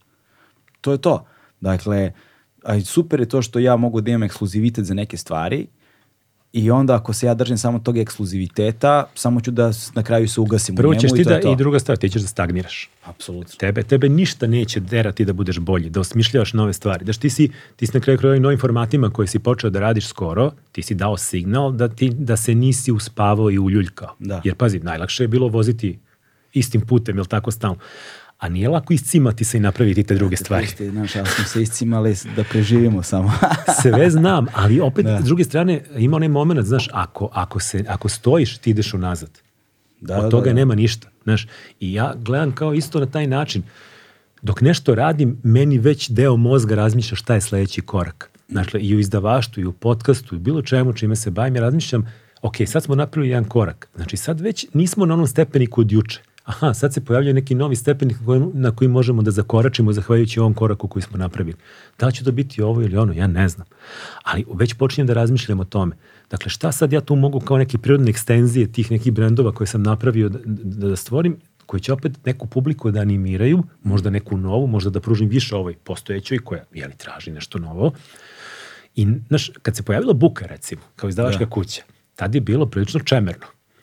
Od tada do Kad danas, mi smo 2010. objavili prve knjige. Koje je, bio, koje je bilo prvo izdanje? A, prvo izdanje je bio Frederik Becbede. To su bili francuski, Becbede, a, francuski da. roman i onaj u pomoć molim oprošte. Dve knjige smo objavili bukvalno tog dana i požurili smo se objavljivima jer je on igrom slučaja dolazi u Beograd. Imali smo neviđenu sreću. Mm. Znaš, mora malo i da te nešto pogleda. Ali nema veze. Ali ovaj, od tada do danas se pojavilo 15-20 izdavačkih kuća manjih koje rade fenomenalne knjige, jako dobar izbor, super dizajn, eh, lep marketing. Većina mi je rekla da smo ih mi inspirisali. Ja, da. I da. to je divna Dobro, da, nagrada. Buka stvarno ima dobar dizajn. Ali pokazali smo, znaš, da može. ne samo, ne, na šta mi se sviđaš? Ne znam ko, ko vam je radio dizajn? Mm. Ko vam je osmislio dizajn? Pazi, prvi osnovni dizajn kad smo počinjali nam je uradio ovaj, Ivan Benusi, dizajner, koji više ne živi u Beogradu, mislim da je sad u Zagrebu ili da je već. I on je postavio taj neki start, start onako i radio prvih 30 knjiga. I onda i on više nešto nije mogao da postigne, drugo i mi smo malo porasli sa brojem izdanja. Ne može jedan čovjek... Nema šanse, da. I onda smo polako počeli da uvodimo nove dizajnerke i dizajnere, opet žene dominiraju, što isto je super. Ovaj. I sad već sarađujemo sa 8, 9, 10 možda dizajnerki i dizajnera koje opet biramo šta ćemo im dati po tom nekom senzibilitetu kako nam se čini da bi, da bi odgovarao za to. Naravno sad neko je uzor radi Jergovića, radit će svakog Jergovića jer želimo da i te neke da neki pisci imaju neki vizualni identitet, razumeš? Pa onda ista, ista da, dizajnerka radi sve Jergovićeve knjige da bi imale neku vezu, što ima, čini mi se, smisla. Ali znaš kako, taj dizajn je meni način da ti dođeš do publike, jer ta publika koju ti želiš da se obratiš, ako je već si je procenio, kaš ko ti je idealni čitalac, čitateljka, pa dobro, to je neko ko je mlađi ili srednjih godina, obrazovan, ima neke malo ono, više, više standarde i kriterijume, pa taj neko će valjda da reaguje instinktivno i negde organski na dobar dizajn. On će pružiti ruku da uzme knjigu koja dobro izgleda, a ne onu koja izgleda bez veze. Da. A onda će dobiti nešto Di- dobro di- unutra. di- dizajn knjige, to ti je kao thumbnail na YouTube. Pa vidi, to je prvi, prvi moment da ti treba da uzmeš nešto u ruke. Jer, znaš kako, a, izda, rekao sam ti, izdavačka scena je zapravo jako zdrava, a to znači da je konkurencija opasna. I ja sam svestan da svaka knjiga koju mi objavimo naša, znaš, ja bih volao da sad svi naši čitaoci sve kupe. Čoveče, prvo nemaju para sve da kupe. Drugo, postoji 15 izdavačkih kuća koje objavljaju super knjige. Pa gde su stripovi? Pa gde je ovo? Pa gde je A non-fiction? pritom kod knjiga postoji ta nužnost uh, i ono realnost da nemaš beskonačno mnogo vremena u životu ni u danu.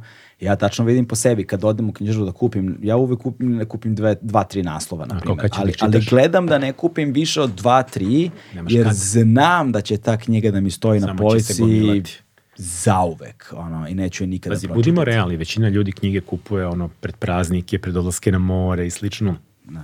Većina ljudi pročita, ako i čita, pročita 10-15 strana pred spavanje i zakuca, jer nemaju vremena.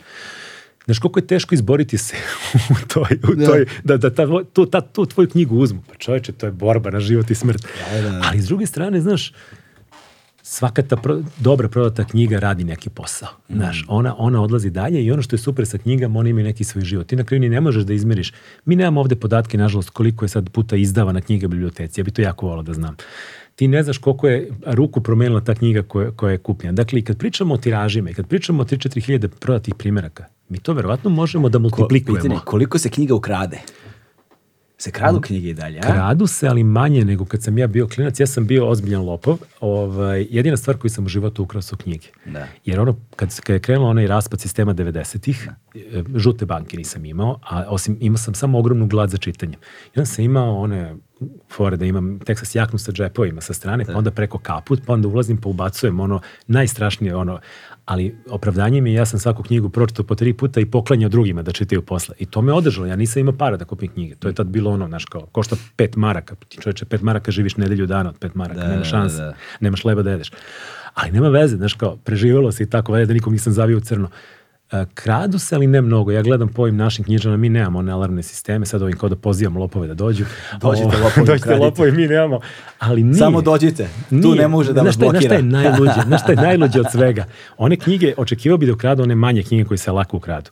Ne, ovi naši, mi napravimo popis jednom godišnje i kao, ukra- ukrali su nam ono, u knjižare šest knjiga, a svaka knjiga od 5000 dinara. Da, da, da. Kažem, kako su vam izneli čovječe knjigu od 10 kila? Kaže, ne znam. Da, ali to, ali to ti onda govori, ukradu knjigu koju mi se mogu prodaju. Pa, verovatno. E, onda mi je žao jer kažem, Da ima neku vrednost, a to ne verujem da je taj neki čitalac te knjige, znaš sad neke enciklopedije ili nekog, o, jedino, ajde, neki mega strip skupa, kao, i nadam se da taj neko uzo da ga čita. Da, da. Pokrićemo to, preživećemo, nije strašno, ovaj, ali nije, nije strašno. Sad ne znamo šta je, ono, kao, kao izdavaču knjižaru nije mi, nije mi žao što se ne krade mnogo, ali zapravo i to, i to možda nešto Da, govori. da. Čekaj, smo pomenuli šta se najviše prodaje. U tvoj nisi rekao to, je li tako? Pa rekao sam ti da, ovi regionalni se uglavnom najviše prodaju. Sem, Naslovi, koji su ti najprodavaniji? naslovi? Najprodavanije je naravno moja genijalna prijateljica, Elena Da, Ferrante, rekao, da, to to nju si pomenuo i onda smo Da, otišli. da, mi otišli smo dalje, ali kažem ti, lepo, spomenu si ti Rumenu, Lanu i to, to su, one su šampionke. Da, da, One da, su šampionke i znaš koliko je lepo kad su to zapravo mlade žene koje pišu i koje su aktivne i koje će, ja mislim, svoje najbolje knjige tek da objave. A već imaju jedan ozbiljan regionalni zvezdani status.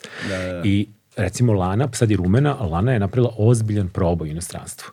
I Lana je zapravo sad već na ne znam koliko... Ona je sad na nekoj u rezidenturi. Berlinu, u Berlinu, da. i pazi, s obzirom da su im mliječni zubi izašli na nemačkom, super pozicija da pravi turneje tamo po Nemačkoj da radi promocije, što je takođe, kako kažemo, u normalnom svetu lepo plaćeno, što tako i treba da bude. I Lana izrasta, a i Rumena čini mi se isto u ono ozbiljnu evropsku književnu zvezdu i mi ćemo zapravo možda za ono što smo pričali za pet ili deset godina, kad kažeš odakle si, kao aha, pitaćete i za njih, Da, jel, da. jel su one odatle. I mislim da oni imaju ozbiljan potencijal da zapravo budu ono koje nedostojne naslednice jedne Dubravke Ugrešić u smislu i kvaliteta i svetske prepoznatljivosti. Da, ono što se meni dopada kod njih jeste, to sam mislim i sa Vladom Arsenijevićem ovde pričao, a to je teme. Mhm. Odnosno što izlaze iz okvira onoga što se u svetu očekuje kad se kaže pisac sa Balkana. Ajde, Da. ajde ti sa Balkana pričaj mi o ratu. Znaš, ili Jeste. tako nešto. Ali znaš kako je I- dobra stvar, one, one pričaju, ali vidi, njihove teme Dobro, jesu Lana, La- lokalne. Lana ima teme. te- Ima, ima, ali znaš šta je meni tu zanimljivo? Kod Rumene je univerzalna tema Jeste, ljubavi. ali s druge strane te teme, da, te teme jesu univerzalne, s druge strane karakteri, likovi o kojima recimo Rumena piše, su ozbiljno ovdašnji. Mm. I sad meni je super ako, ako to prepoznaje publika napolje. Ja razumijem zašto je srpska publika odlepila za Rumenu. Zato što svi mi imamo te tetke, strine i slično koji izgledaju kao iz njenih priča. I mi se duboko identifikujemo sa njima. Ali ako to prorodi kod Amerikanca, onda je to velika stvar. E, tu se recimo meni sviđa Robert Perišić. Robert Perišić, recimo njegov roman Poduče bez signala, To je genijalna knjiga. znaš, To, to, je, je, sav- to je po meni možda i savršen savremeni roman sa ovih prostora, jer je prvo ti kod Roberta godinama, ovaj, una, kad pratiš njegovu karijeru, ti vidiš ozbiljan napredak.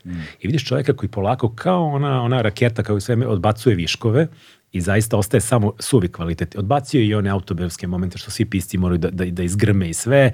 Ono, naš čovjek na terenu, sećaš Tako se tako toga, je, to je tako odlična knjiga, ali područje bez signala je apsolutno savršena knjiga. Ona nema nijednu slabu tačku, ona priča fantastičnu jednu priču o tranziciji, o žrtvama tranzicije o ovom podneblju, a na način da zapravo bilo ko, bilo gde u svetu to može da čita bez ikakvih problema. Da. Ali ono što mi se dopada jeste što sam tu video um, jednu dinamiku odnosa među likovima Tako je. koju srećeš kod Jonathana Frenzena. E, a, bukvalno si mi uzeo reči iz usta, ja steo da kažem, ako postoji ovdašnji Frenzen, to je on. Da. I on ima i tu dubinu i tu dinamiku likova, što si rekao. On usput onako provuče gomilu stvari koje ti možeš i ne moraš da primetiš. Da, da, da. Ali ako si pažljiv čitalac, primetit ćeš. Drago mi je da su praveći seriju zapravo uspeli dosta toga da prenesu. Naravno, kao meni kao čitaocu knjige, bilo neke stvari su bile jasnije. I siguran sam da, da sam bolje skapirao seriju nego neko ko nije čitao knjigu i zato treba da je pročita. Ali je, eto, serija je bila primjer kako to treba da se prenosi na veliki, na veliki ekran ili mali ekran, a bez da se izgubi mnogo. Da, e, to je, znaš, tako da u tom pogledu i sviđa mi se što se udaljavamo polako od, kažem ti, od toga, ono, od toga šta znači balkanski pisac, ovaj, stereotipno posmatrano, i, ali otvara se pitanje, jel te, koliko nam je otvoren put, ako nisi to, ali mi se čini internet, boga mi, menja stvari, Znaš kako, to je pitanje investiranja, opet ti kažem. To Da. mora, mora država da uleti ili će pisat sam da se potrudi. E sad to pitanje prevoda. Sve, pazi, 2% godišnje književne produkcije koje se objavi u Americi su prevedene. 2%, Od svega što se objavi godišnje u Americi je prevedena književnost. Da, 98% je engleski. Pričamo o američkom tržištu. Ti shvatiš da aha, to znači, pardon, ako se razumeo, 2% svega što se u Americi objavi je prevedena je književnost. prevedena književnost. Sve ostalo je engleski. Dakle, ako nisi pisan na engleskom, šanse da uspeš u Americi su minimalne. Da, da, da.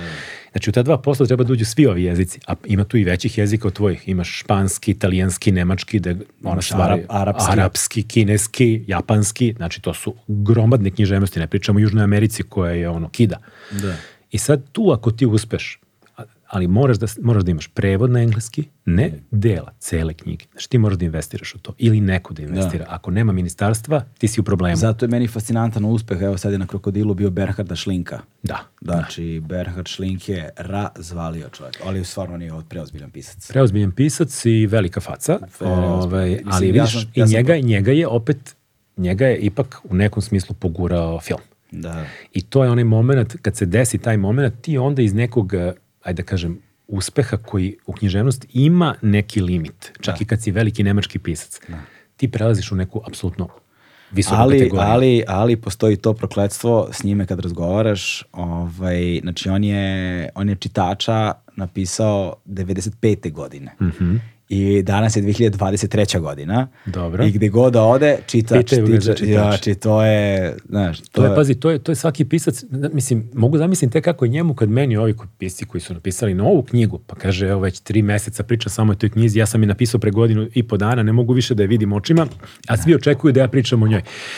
I sad zamisli ti ono, ono majstore koji su napisali pre 25-30 godina, znači, ali to se dešava svima, znaš, s- svi očekuju na koncertu da sviraš hitove. Da, da, da. da. Svi će da pitaju Scorsese za Goodfellas i za Kazino i za Razjerenog bika. Još on ima dovoljno filmova. Znaš, zamisli one careve koji imaju dva i po dobra filma. To. Možda Da. napravi sve novo, kažu super ti ovo nego da te pitam za ono staro. Nije lako zapravo ove, imati uvek nešto novo i nešto dobro. uh, A ne, ali stvari je u tome što oni brojni imaju zapravo nešto novo i nešto dobro, ali jednostavno ne privlači pažnju. To je taj frustrirajući element. Recimo, ja sam pročitao, e, sad eto, pripremajući se za krokodil, što Mhm. sam pročitao novi roman Berhanda Šlinka Unuka. kako je to? Genijalan je. Ja, vidiš, ja nisam čuo za to. Genijalan je roman. Plato ga, ja mislim, Aha, objavio. jeste, oni ga rade već godinama. Genijalan je roman. Evo, svako, evo, novi roman, preporučujem, kupite unuku. Berhanda Šlinka. Na, pri, priča priču, dakle, o, ovaj, iz dva dela je u suštini knjiga. Mhm. Unuk, ta volšebna unuka pojavlja se tek u drugoj polovini. I u prvoj polovini zapravo dobijamo sliku, a, ljubavnu priču a, para iz a, Berlina. On je iz zapadne Nemačke, 60, podrž- početak 60. godina, 64. čini mi se, ona iz istočne Nemačke. I ovaj, onda on nju spašava iz istočne Nemačke da pređe u zapadnu Nemačku i, i tu ti je, znaš, i, ovaj, i žive ceo život ono venčani, bez dece. I onda ona na, umire, na ono kad su već u starosti duboko i tako u savremenom dobu, ona umire i uh, nakon njene smrti ovaj, pronalazi zapravo rukopis koji je napisala, a, koji je napisala, koji je krila od njega celog života i u tom rukopisu zapravo se otkriva ceo njen neki tajni život u istočnoj Nemačkoj pre nego što se njih dvoje upoznali, gde saznaje se za postoji neka unuka ovaj, u kojoj on kreće u potragu. Znaš, ima taj detektivski, kao što on obi- obično da ima, ima istorijske snažne elemente, a, jak istraživački rad koji je napravljen u svemu tome, a sve to pritom napisano tako besprekorno, a bavi se u suštini analizom savremenog društva danas i rođenja ekstremne desnice svuda u svetu. Znači kao naš tih desnih ideja i ekstremizma koji se javlja globalno, bez obzira na političke sisteme u kojima se javlja. I da je to neki trend i zapravo se bavi time, ali kroz ceo jedan novi, tako da više slojna na jako puno nivoa, ali je pre svega dobro napisano i to je to u vezi sa ovim što si pomenuo. Pomenuli smo i Miru, pa evo pomenemo Berhanda Šlinka, pomenjemo, ne znam, ovaj, Tirzu, znaš, i sada zapravo sve dobre priče, čini mi se, imaju detektivsko nešto u sebi. Vidi, storytelling Mm. je ono, mora da se vrati, razumeš? Jaki likovi, jaka radnja. Da, da. a, kroz radnju, znači nemoj, znaš, stalno se, kad, kad dobija moje rukopise, ljudi ne shvataju jednu stvar, a to je da nikog ne zanima da čita o tome šta oni misle o životu, o njihovim dilemama i slično. Spakuj mi priču, pa kroz te likove progovori o tome. Da. Ubaci u svakog od njih neku svoju dilemu i to će se čitati. Kad ti sedneš da filozofiraš, tebe niko, to, zvučiš kao onaj ispred drakstora sa, sa pićem i flašom najveći, piva. najveći problem lokalne, ono, k- mi u posljednje vreme mi je, čovječe, sve su neki romani stanja. O, i autofikcija, mislim, ako nisi ih nauzgo, nema pišeš autofikciju, Znaš, znaš, da. to, to, to je ono, zato što je to najlakše, kao što, znaš, svi bi da budu kolumnisti u, u magazinima, da napišu šta oni misle. Ne, aj ti malo istraživačko novinarstvo, prijatelju, aj malo, daj nam nekog mesa, neke kartine, znaš, Da, te da.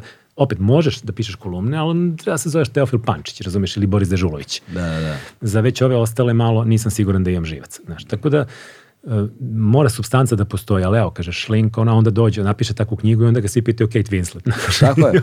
to je što je usud, što je definitivno usud autora, ali mislim, tu, tu ne možeš da pobegneš od toga. Mm, Znaš, da. ali dobro, pazi, na nemačka književnost je inače nešto što ovde još uvek je ostalo, čini mi se, neotkriveno, znaš. Recimo ova, ne znam, znaš da izdačku kuću radni sto? Mhm. ovaj, Denička vodi i one recimo objavljuju isključivo knjige istočno, istočno pisaca i pisateljica. To je genijalno. To su uglavnom knjige nastajale tamo 70-ih i 80-ih u istočnoj Nemačkoj i toplo ti preporučujem da malo istražiš to polje. Da, da, da. Recimo knjiga u vezi sa strancem je tako remek delo, dakle to je knjiga ispričana iz ugla, pis- pisac je muškarac, iz ugla žene, koja je tako, eto, ništa se bitno njoj ne dešava u životu i cela knjiga prođe, ona malo ode na more, malo radi, malo ima neku vezu, malo ide na posao, ali sve vreme ti, znači nijednog momenta ti, ne spo, ti se ne spominje u kakvoj ona državi živi. Dakle, da. to nije uopšte pitanje. To je jedan običan život, kao da gledaš domaću neku seriju. Nema politike, nema ničega. da, da. Ti sve vreme imaš strahovit osjećaj presije. Ti sve vreme ne znaš odakle to dolazi. Imaš osjećaj da te neko posmatra, da postoji nešto iznad tebe, da ti nešto ne dozvoljava da dišeš. Ona je apsolutno, on, on je apsolutno savršeno kroz nju prikazao jedan sistem u kome nevidljive oči postoje, u kome neko tu sve vreme zapravo stoji i ti samo na izgled imaš slobodu. Da, da. Ali zapravo si ono miš u točku i nećeš izaći iz te kutije ako ti padne na pamet, nema ti padne na pamet izlaz, da izlaziš uopšte. I šta, nikom ne pada na pamet to da uradi. I vidiš kako je u stvari izgledao taj jedan svakodnevni život. Ti možda zamisliš kako taj stan izgleda, kako ta fotelja izgleda, ta lampa, sve ostalo i sve vreme nemaš vazduha. Da, da. E, to je vrhunsko majstorstvo. Da. Znaš, ja, zanimljiv mi je bio, da, jedno vreme sam kupovao zapravo stalno knjige kod njega, je li Medenica beš ili koje, kako zove, što je ruske i ove bivše zemlje Sovjetskog saveza objavljuje. Sam zaboravio- Rusika je bila neizdavačka Ne, ne, ne, kuća, ne, ne znam, nije, nije, na zaboravio se. Sve su ona bela izdanja, bez ikakvog Znam na šta misliš, da, da. samo bele knjige. Mhm. Ove, recimo čitao sam Čingiza, Ajtnjatova, ne znam, čitao sam tako neke, znaš, ono, Kirgistan, Turkmenistan i šta ti ja znam, i tu stvarno zapravo pronađeš ono neke, neke genijalne naslove. Ovaj, ali mi se dopada isto, a, e, recimo, Preobrt Perišić je sad objavio novi roman koji se zove Brod za Isu. Mhm. A, I Si čitao? Uh, ne, nema se, ob- nije objavljeno ovde još. Znači nije, ali sam razgovarao sa njime i ovaj, uh, pogledao sam video, našao sam neke fragmente i šta ti ja znam i slušao sam gomilu intervjua o kojima je bio, ovaj, odnosno To iz, zapravo prvo izlazi u Americi, pa tek onda u Hrvatskoj, tako mi je rekao. pa objavljene u Hrvatskoj. A izašlo? Hrvatsko izdanje postoji, da. Samo naše izdanje još uvijek ne postoji. Beopolis je poručio zapravo od izdavača direktno neki broj primjeraka koji se odmah rasprodao, tako da do, kad sam došao kod Saleta Nije bilo više. i rekao sam mu je daj mi novog Roberta Periš, kaže juče mi je otišao posljednji primjerak. Eko, ej, A dobro, bilo je pet komada. Ali bio sam ono ok, kao, znaš, razgrabile su se knjige, To je lepo, sam, to je znaš, lepo, da. Ali recimo on je napisao taj brod za Isu koji je smešten kao četiri veka pre Hrista, Mhm. odnosno pre nove ere. A, I sad, se, znaš, i sad imaš jedan, jedan roman koji se bavi praistorijom, što je fascinantno, zašto Ja mora to od da Roberta ne bih očekivao ni u ludilu. Apsolutno, van. Pogledaš njegovo prethodno. Da. I sad je Delo. ovo neko potpuno jedno, znaš ti, što meni jedva čekam da se dohvatim toga. Ovo sad kad budemo otišli na odmor pa ću da kupim tamo. Ovaj, ali sad, znaš, sad se već proširuje spisak naslova i sad posmatraš sad šta smo pomenuli. Znači, odjednom kao evo je Mira sa detektivskim, sa tim odrednicama, sa tim stilsko-tipološkim odrednicama LT jednog žanra.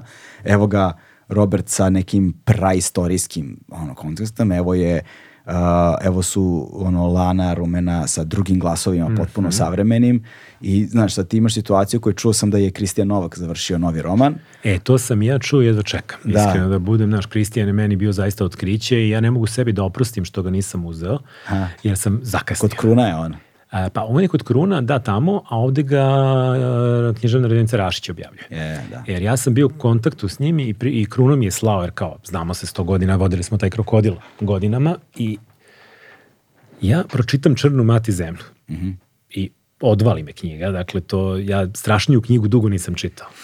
Bukvalno sanjao sam je. Ali sam imao jednu glupu dilemu, ne mogu sebi to da oprostim, a to je strah od toga ko će to da čita i da, i da to ljudi uopšte neće razumeti. Zbog narečja koje on koristi tu i to je Kajkav, zaista... Kajkavsko Jeste, to je ono Zagorje i to ono... Međimurje. Jeste, Međimurje, da, što kao Tito, mislim, kako je Tito govorio, e pa tako je govorio. Znaš, su pričali da on ruski agent, ne, brate, on je iz Međimurja, što je slovenačko-hrvatski. I ovaj, ja sam zapravo pocenio publiku. Znaš, to je ona, ona, ona, ona glupa greška neiskusnog tada izdavača koji je rekao, a už nisam pošao od toga, ako sam ja to razumeo, pa razumeće i drugi. Nego nisi sam- pošao toga ako se tebi to svidelo E, I to je moja greška, razumeš? Ali eto, to je bio strah. Valjda, znaš, bili smo manji tada i onda kao rizik ovo ono.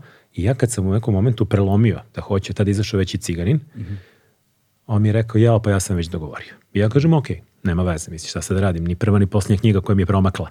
Da, da, da. Ove, to, to prosto ne možeš da uzmeš sve što ti želiš i nisi uvijek dovoljno pametan. To, to, je, to je normalna stvar i super je da izađe. Znači nije bitno kod koga će izaći, bolje da izađe kod boljeg izdavača jer će imati bolju prođu. Ali generalno bitno je da knjiga izađe i ja ću onda kupiti pa ću je čitati u tom izdanju. Dakle, to je ono, ono, ono, ono osnovno što negde postaviš sebi kao nema kajanja, idemo dalje. Da, da. I znam da je završio i pitao sam ga baš i kaže da bi to trebalo negde da izađe na jesen. Tako da, uopšte nemam pojma o čemu se radi, on je napisao dve prilično različite knjige ove i vidjet ćemo šta će se tu desiti. Pa dve prilično različite, ali zapravo obe su u Međimurju. Ne, ne, obe, o, dobro, on, on ne može od toga da izađe, mislim to, ali on, jako, on se ne ponavlja, što je meni super bilo i nadam se da neće ni sad. Za, za, to mi se dopada kod njega, zašto nema njega u njegovoj književnosti. Ne, apsolutno. I to mi je najgenijalnije od svega. je, Da, da, da. On je, on je, dobro, ima ona legenda o njegovom prvoj neuspešnoj knjizi, Da. koja se pravi da ne postoji. I zato se nama svima čini zapravo da je on, kad se pojavio sa Črnom mati, da se on pojavio kao formiran genijalan pisac. On je u stvari sve svoje greške potrošio u prvoj knjizi, naučio šta ne treba i onda se vratio kao ono vrlo ozbiljan i zapravo je i ja negde, eto, stalno to ponavljam i znam da sam dojadio svima, ali negde me jako sekira zapravo što mi ovde ne uspevamo da pariramo po broju novih autorki autora Hrvatima ni Bosancima. I tu postoji jedna disproporcija ozbiljna. Ozbiljna, da, jeste. Jeste. I kad ti pogledaš sve te regionalne, kad kažemo regionalne, šta to znači? To znači da ih čitamo bez prevoda. Ja mogu sada da nabrajam od Miljenka Jergovića, Damira Karakaša, Zorana Ferića, Roberta Perišića, Kristina Novaka, ta muška ekipa, pa da krenem sa ženskom, pa da... Ne. Da. Mi ovde nikako da izbacimo neka nova imena koja bi tu sad baš mogla da, da pariraju. Ja puno, puno nade polažem u, u jednu knjigu koju ćemo objaviti na jesen. U pitanju je nova knjiga Filipa Grujića i on je jako talentovan ovaj, dečko i ima već par objavljenih knjiga ovaj, u Srbiji. On još nema 30 godina. On Da, mu je znam treća. poznajem, znaš da, E. I Filip je divan dečko i sjajan pisac i on je s ovom knjigom zapravo konačno napisao ono što je trebalo da napiše i ono skupio je ono i hrabrost i znanje i sve i napisao onako jedan beskompromisan roman. A, I polažem zaista velike nade u njega i mislim da on taj neki dečko koji treba da se pojavi, pa nadam se da će ih biti još, jer stvarno je problem. Znaš, stvarno je problem, stvarno nekako nemamo šta da ponudimo, stvarno, stvarno znaš, meni, meni bude tužno kad ja pročitam neke glavne knjige iz te sezone i shvatim da je meni Basarina knjiga bila najmlađa i naj, naj, najmodernija. Znaš, to, tu znači da nešto fali. I pre svega mi se čini da se ne čita dovoljno i ti u, i ovim rukopisima koje dobijam na konkursu ja zapravo vidim da su ljudi zarobljeni u nekom vremenu nekih klasika ili nekih ono, ne znam, nisu mrnuli ili od Dostojevskog ili od Bukovskog ili od Dobrice Ćosića. Vidiš te tri neke osnovne linije. Da. Svaka čast svima, ali to prosto nisu, nisu više aktualni pisci. I jako malo ima modernog u izrazu, Ali znaš u- šta? u obrađivanju tema, u stvarnom životu. tu klasičnu književnost kada govorimo o njoj, ovaj, posebno ako govoriš recimo tu, eto, Dostojevskog si pomenuli, ili na primjer, evo gledamo vamo Andrića ili šta ti ja znam. Šta mi se desilo skoro? Uh, sedeli smo negde i, nas, i bili smo, da smo bili na nekoj vikendici ili ne znam gde smo bili, ovaj, a, i tu ti ljudi koji su nam rentali tu vikendicu imaju sad neka ono ne, ne, ne, ne žive tu, ali vidi se da često tu borave, jel te? Da li preko Airbnb-a šta smo. Da, da, da. neku vikendicu, sa ono nas nekoliko porodica sa decom da se okupimo i da ono provedemo vikend Da, tamo. roštiljate, da. To, znaš da se zezamo i sad ja, došli smo mi prvi, tu smo pospremili sve, niko još nije stigao, ovi su prijatelji bili s nekom ono, sitnom decom koje je bilo vreme za spavanje, pa smo svi morali da budemo tihi i kao sednemo, sednemo, sednemo mi, sednem ja i onako u dosadi, ovaj, počnem da gledam po policama i to, svašta nešto po policama, stoji stoje neke knjige. I gledam ovako i vidim Lajoša Zilahija, znaš, koji evo te nisam Lajoša Zilahija, ono, znači, znaš, malo sam ga čitao zato što smo imali one na metar knjige u kući Jeste. od majke i to i kao i to. onda sam uvotio Lajoša Zilahija, tu nešto oko klinac sam ga malo čitao, ovaj, ni ne sjećam se, rekao, daj, kao, znaš, da pogledam ja sad, ne znam, ni sjećam se koju sam knjigu uzeo. Znaš, kada vidiš takvu rečenicu danas ne srećeš. Ne, nema toga. Toga, to, kao da je to nestalo, kao da je to pop zauvek izgubljeno. Pa potpuno dobro, to, znači- verovatno jeste. Znaš, može da nađeš možda još par pripovedača, ali generalno toga nema. E, znaš, tako, to isto važi i za Andrića, to isto važi za, dobro, za Dostojevskog ne važi, on stvarno nema nikakav stil, ali on je genijalno... njega je bitno što- o čemu piše, da, da, a ne kako njega je, da, piše, da, on, da. Je, on je anti-stil, nije dobar primer, ali, znaš, ti otvoriš i, i, i po, pročitaš i, znaš, znaš, ono, možeš da otvoriš knjigu na bilo kojoj strani, da pogleda bilo koju rečenicu i počneš od te rečenice i jednostavno će da te uhvati, da te uvuče i ne da ti da ideš. Pa ja evo sad znaš ono pada mi na pamet možda kod Miljenka Jergovića možeš to da nađeš. On je pripovedač. Mm. Da. I on je zapravo negde logični nastavljač. e, Ne znam, ja njega kad, kad ga čitam, meni ono, idu i fleševi Andrića, idu mi jaki fleševi zapravo ovaj, i Krleže. Mm. Jer Krleže je bio veliki majstor stila i ja sam, kad sam bio klinac, mene to jako nerviralo, kad sam morao to da čitam. Tek kada sam ovaj, kada sam odrastao i kad sam samo inicijativno uzeo to da čitam, ja sam shvatio veličinu čoveka. Ne znam da li si čitao na rubu pameti. Nisam. Pa evo, topla preporuka. Ako, ako ćeš se vraćati krleži nekada, uzmi na rubu pameti, jer to je knjiga koja je apsolutno staje rame uz rame recimo sa Kafkinim procesom. Dakle, slična je po temi, slična je na način kako obrađuje to kako pojedinac lako može da bude uništen od sistema i društva. Kad, kad to sistem i društvo odluče, kad odluče da ga eliminišu, da ga proglase za nešto i da, da upregnu sve svoje snage, da ga dezavuišu i unište, Da. E, a pritom je genijalnije zato što je to zapravo studija karaktera koji su lokalni. I ti u tom, toj Hrvatskoj ta, tog vremena vidiš zapravo sve nas i sada. I sve mi to proživljavamo i dan danas jer malo malo pa vidimo kako se sistem obruši na nekoga. To isto tako bilo i pre 100 godina. Na isti, bukvalno isti način se koristili i mediji, i vlast, i policija, i sve ostalo, a glavni posao su zapravo, kao i uvek, završavali oni mali ljudi. Oni ljudi koji prihvate glavnu naraciju, oni ljudi koji prihvate to što im je servirano i počnu kao neki ono papagaji da ponavljaju to.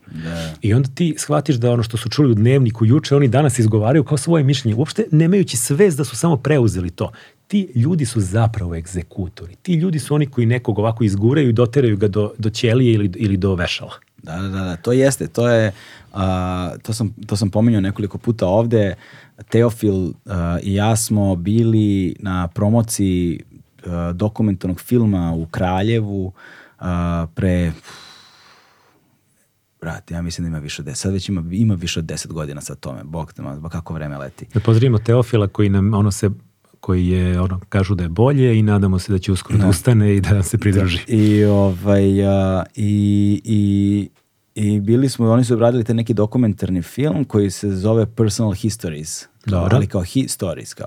I šta su oni, oni su kao anketirali, ne znam koliko hiljade ljudi, ovaj, različitih, dakle, starosnih uzrasta, različitih ono, klasnih pripadnosti, različitih etničkih, svakakvih drugih, jel te, i, naš, i kult, iz različitih sfera života, ono, i tako dalje. I pitali su ih za ključne tačke u prošlosti. Dobro. Dakle, svi su, svima su postavljali ista pitanja. Ali gde si ti bio Kad u tom trenutku? Aha. Kao, gde si ti bio 9. marta 91. E, to, da, da, Gde to. si ti bio, čega, kako se sećaš 24. marta 99. Kako se sećaš, ne znam, dana kada je potpisan Dejtonski sporazum? Kako se sećaš, znači, ključnih trenutaka u istoriji, kako, čega se sećaš? I ono što su primetili, a da uopšte nisu ovaj, očekivali tako nešto, to su oni neželjeni, jeste da što su dalje u prošlosti išli, sve je veći broj ljudi zapravo samo ponavlja ono što su bili novinski naslovi tog vremena. Gube se lična sećanja Tako i je. ostaje samo ono što je bio dominantan Narativ narativ, tog- tog vremena. tog trenutka, Tako je. to im je ostalo u sećanju. Tako je, tako I to je tako prosto je. nešto u ljudskoj prirodi, u ljudskoj psihi, što je tako. I ima to što kažeš je apsolutno ima smisla. Dakle, to su pravi egzekutori. Jeste. Znaš Jer to. bez njihovog pristanka se ništa neće desiti. Ništa. I znaš što, to je onaj moment da je u stvari ta masa koja postoji, njom se upravlja baš zato što ta masa ako se usprotivi, ona može da sruši sve. Tako, zato su ovi protesti sada važni. Zato su oni važni jer su negdje oslobodili ljude i pokazali su im da zapravo imaju neku moć. Jer to nik- nikako meni nije bilo jasno kako toliko ljudi je nezadovoljno, a ništa ne radi. Znaš, ali u stvari nešto moralo, nažalost, tragedija je morala da se dogodi, jer to tako na kraju u ovakvim društvima i biva. Da. Desi se neki okidač. Jer ja imam teoriju koja je nepopularna i zbog koje će me mnogi pljuvati, ali ja i dalje tvrdim da bi, je pitanje da li bi Slobodan Milošević pao da nije bilo NATO bombardovanja. Mm. NATO bombardovanje je bilo onaj moment koji je ljude na kraju prelomio da se okrenu protiv njega jer im je došlo na vrata. Da. I tužno je negde, jer, znaš, mi smo negde, mislim, ne mi, kad kažem mi, mislim na većinu u ovoj zemlji, čutke smo ispratili razne neke stvari koje su se dešavale u našem okruženju, a gde smo imali određenog udela i, i uticaja, konkretno naša vlast, uh, i nekako smo i Vukovar i Sarajevo i svašta nešto smo mi odćutali, pravili se da toga nema ili da nismo znali, a znali smo.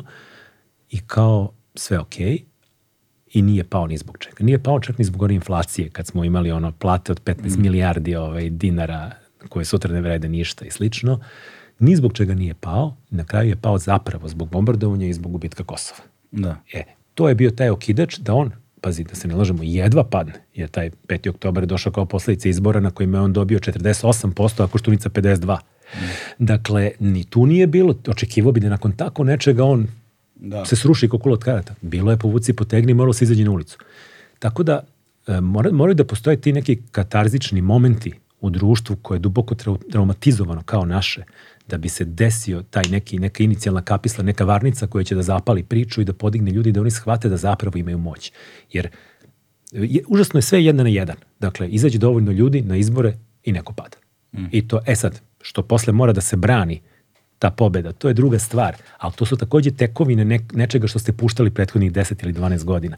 Mi smo 2012. godine imali situaciju da je Boris Tadić sat vremena nakon završetka izbora za predsednika izašao i priznao poraz. Razlika je bila samo 90.000 glasova za Tomu Nikolića. Da. Ali se jasno znalo, jer smo imali institucije, imali smo nezavisan sistem brojanja glasova, imali smo nešto što je lično na demokratiju.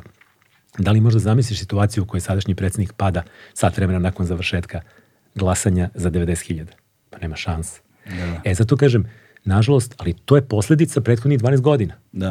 12 godina si negovo slobu, pa si mora da izađeš 5. oktobra da, na ulice. Da, ja ne, naš, naša, nažalost ne mogu da prokomentarišem ovaj, to, zato što za početak bio sam suviše mlad. Ovaj, ja sam, znaš, kada je bilo bombardovanje imao 17 godina ovaj, zanimale su me druge stvari, uh, ali, ali okay. se, sećam, se, sećam se vremena jako dobro, jel te, živeo sam u njemu. Trpeo si posledice tog vremena. Trpeo sam posledice, ali ne mogu da govorimo sad na šta je, kako, koga i gde uzrokovalo, prosto ne mogu, jer nisam da, imao ni dovoljno zrelosti, ni dovoljno znanja. Idu stvari da, svojim tokom, znaš. A nisam se u životu kasnije vraćao i analizirao. Pa nema ni potrebe te, za tim ali ono što, ali recimo 2012. se veoma dobro sećam kada je. je. kada je zapravo broj belih listića procentualno bio veći od broja glasova za koje je Tadić izgubio izbore. Značajno veći. Značajno, re, aj sad lupiću, ali recimo da je on izgubio za 2%, a broj belih listića bi, a broj belih listića bio 4,5%. Da, da, nešto. beli listići za malo dođu da u parlament, mislim da su se organizovali kao stranka. Pa to, da. Tako da. Jest. I sada to je mač za dve oštrice. S, drugi, s jedne strane, recimo ako posmatramo te beli, beli listiće, mi, mi njih sada ne dvosmisleno vidimo kao jasnu kapitalnu grešku nas kao gra, građana ove zemlje, dakle koja nas košta to nas je koštalo tako ovoga je. što živimo tako sada. Tako je, tako je. Ovo, ovo je cena. Ovo je cena koju smo platili za te i to je, to je neka greška koju ne bismo smeli više nikada ponovimo. Ali s druge strane, to govorimo iz ovog ugla jer živimo sada i ovde, ali zaboravljamo kako smo živjeli tada. Jer beli listići su bili pre svega kazna Tako je doživljeno to. Tako je. Bili smo glupi, ispali smo glupi. Ali, ali emocija je bila jasna. Doživljavali smo je kao kaznu ovaj, jer, jer a, smo hteli da pošaljemo jasan signal da ono, nam se ne dopada sistem u kojem živimo, da nam se ne dopada a, izbori koji nam se, da nam se ne dopada izbori koji nam se nude i da zapravo je to bio jedan buntovni čin pri, prikazivanja tog, te vrste nezadovoljstva. Ali Jest. je za posledicu imao dolazak ovih na vlast. Mi nismo, dakle, Ja se isto vrlo dobro toga sećam i ja se sećam svega što sam zamerao tadašnje vlasti. Da. I uopšte ja nemam nikakvu idealizaciju toga. Ja se, ja se jako toga ovaj, dobro sećam i gomile faulova njihovih i grešaka i podcenjivanja i čak i onog najglupljeg momenta to je da se ti negde šlihtaš nekoj glasačkoj ekipi koja nikad za tebe neće glasati, a zaboravljaš ko smo mi, mi mm. koji te podržavamo svih 12 godina. Tako da ne, ne, ne kažem da bih to isto uradio, naravno, ovaj, ali, ali sad kad pomislim na to vreme, meni je jasno zašto je do toga došlo. Drugi je problem što je nama tada, mislim ne nama, nisam ja glasao za, za ove sadašnje, ali mnogi su glasali. Čak i neki mnogi normalni ljudi koje ja znam, znači nisu bili beli listići, nego su čak glasali za ove. Da. Sa idejom, kao kaznit ćemo ove, i kao normalna je stvar da ako nismo zadovoljni treba da promenimo vlast. Što naravno u zemljama koje imaju jake institucije je potpuno legitimno, zato što da ova zemlja, da ova zemlja imala jake institucije, e, nakon četiri godine vladavine Tomislava Nikolića i cele te bulumente, oni bi pali na sledećim izborima. Međutim, oni su već te prve četiri godine iskoristili da uzmu poluge vlasti, da zauzmu medije i da zapravo obezbede sebi da jako teško mogu da padnu. Mm. Znaš, a onda je ta metastaza sad već otišla predaleko. I sad, sad živimo posledice zaista toga. Tako da, a, problem je u tome što im, naša jeste greška, ali moramo da se setimo još jedne stvari, a to je da, da je ta takozvana naprednjačka ekipa nama tada prodavana kao jedna vrlo očišćena evropska desnica, iza koje i nije ta evropska desnica sama se pojavila. U nje je neko uložio. I ona je bila po, instruirana na neki način sa, iz određenih centara da reši problem, a zna se ko je najveći problem, Kosovo. To mora da se reši. I pošto je bilo očigledno da Boris Tadić to ne sme da uradi, zato što je on jeli građanska opcija i ako on potpiše neke stvari, ovi će da ga vešaju na terazijama, onda su dovedeni neki koji uvek mogu da reše te stvari, a to je desnica, jer ona kontroliše navijače, ona kontroliše mafiju, ona kontroliše huligane mm. i sve ostalo. Oni su dovedeni uz obećanje da će oni to da reše.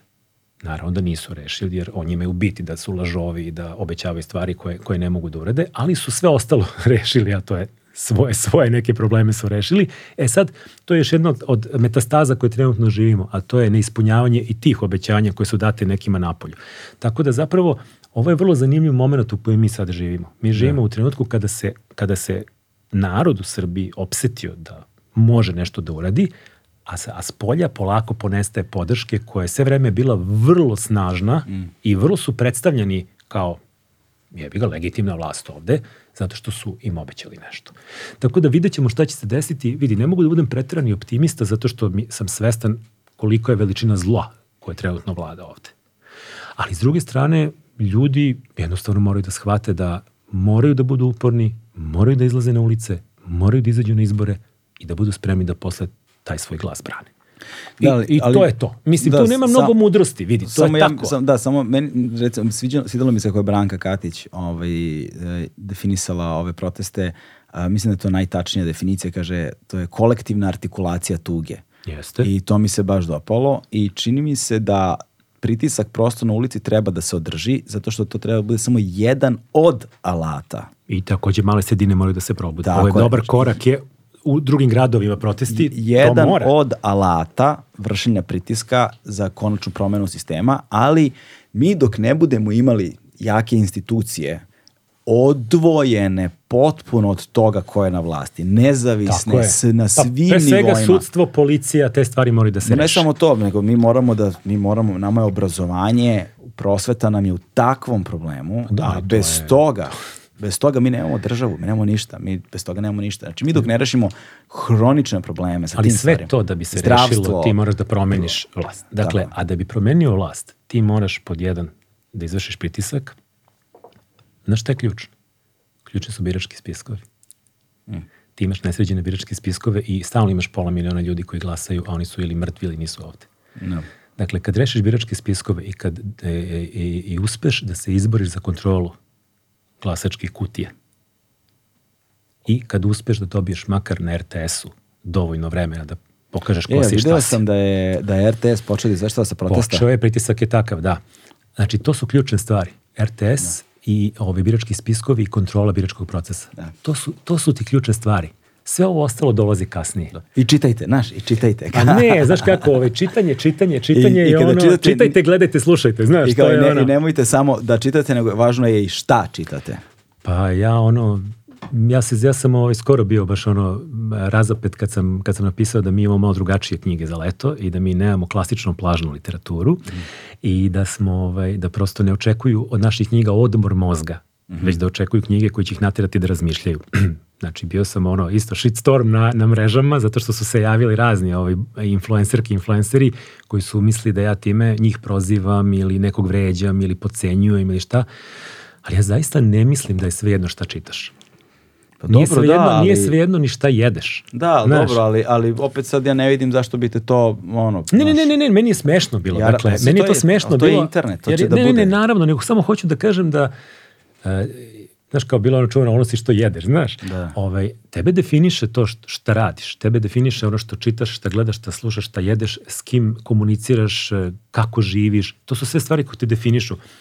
A ako to nekog vređa, mislim danas sve nešto vređa. Ne znam da si primetio taj moment. Svi su Dobro, strašno jeste, lako da. vređaju, znaš. A u suštini e, samo primitivni ljudi se Dobro, lako znaš vređaju. ali možda, možda ti je to ispalo negde kao nekakav, znaš, možda je to više, možda je ispalo malo nezgrapno, možda su ljudi to doživjeli kao nekakvu vrstu elitizma.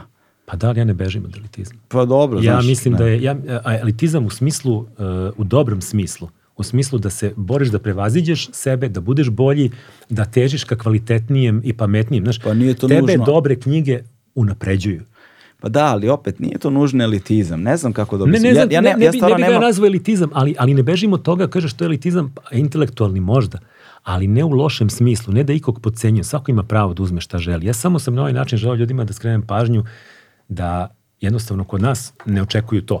Znači, Da. kad kažemo knjige za leto, to nije laka literatura uopšte.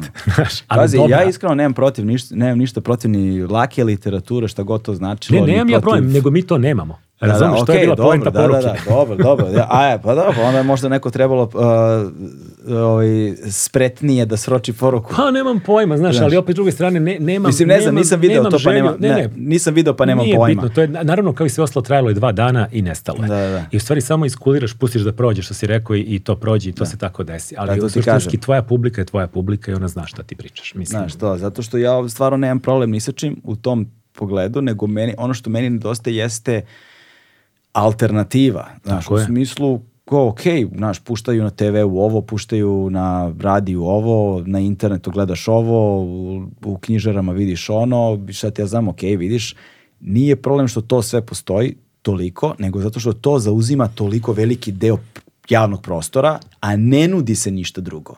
I onda, čak i da ne želiš, primoran si na to. Znaš, I to je sada... Znam, ali znaš, mora postoji ta pozitivna diskriminacija kvalitetnog sadržaja. I to je ono što je na kraju A ne, krajeva to je sad- javni servis, mi plaćamo baš zbog toga. Dobro, to je javni servis. To da, mora da postoji, strane, znaš. S druge strane, naš, i u drugim medijima se to zove uređivačka politika. A ti više nemaš urednike, ti imaš menadžera koji donose poslovne odluke zato što imaju digitalne alate koji im omogućavaju da maksimizuju svoj profit. I, Jeste, ali znaš, postoje i čak i neka pravila. Galebe, ali ti imaš čak i u onom a, pravilniku kad dobiješ nacionalnu frekvenciju. Da. Tebi postoji koliko treba da imaš obrazovanog programa, koliko imaš dečeg. E, i to su- ali to su Aj, samo da, institucije. samo da sprovodimo zakon. Da. Ništa drugo ne tražimo. Znaš, ne, tražim, ne očekujem ja od Pinka da mi edukuje decu. za koji moraju da postoje institucije da ga sprovode. Mislim, eto ti RRA. Da, ma baš. Baš. Toliko tome. Skrenuo smo mi sa teme, uopšte ne želim se bavim tim temama, Naravno, znaš, naravno, ali naravno. kažem ti, ovaj, uh, 100 minuta buke. Ljudi, to, ono, zapratite, neko mi je rekao, kaže, Galebe, dugme više nije crveno, ja više, ja ni ne pojma Toliko dugo nisi gledao da nisi ni... Da, nemam pojma, Ne, ja, ja bih samo poručio ljudima, vidite koliko Gale priča čoveče sa mnom, a on je domaćin, a meni nešto pričate da, da ja gnjavim gost. Ako na takve stvari obraćaš pažnju, Ne, ništa. zezam se, naravno. Znaš, to, to je to. Ovaj, hvala ti puno. E, hvala tebi na pozivu i na podršci, ovo puno znači i ono, tu smo, pomažemo Da, se. 100 minuta buke, a, uživajte u još jednom podcastu na našoj a, podcast sceni. Nazovimo to tako. To je to, stigli smo do kraja. Ćao. Ćao.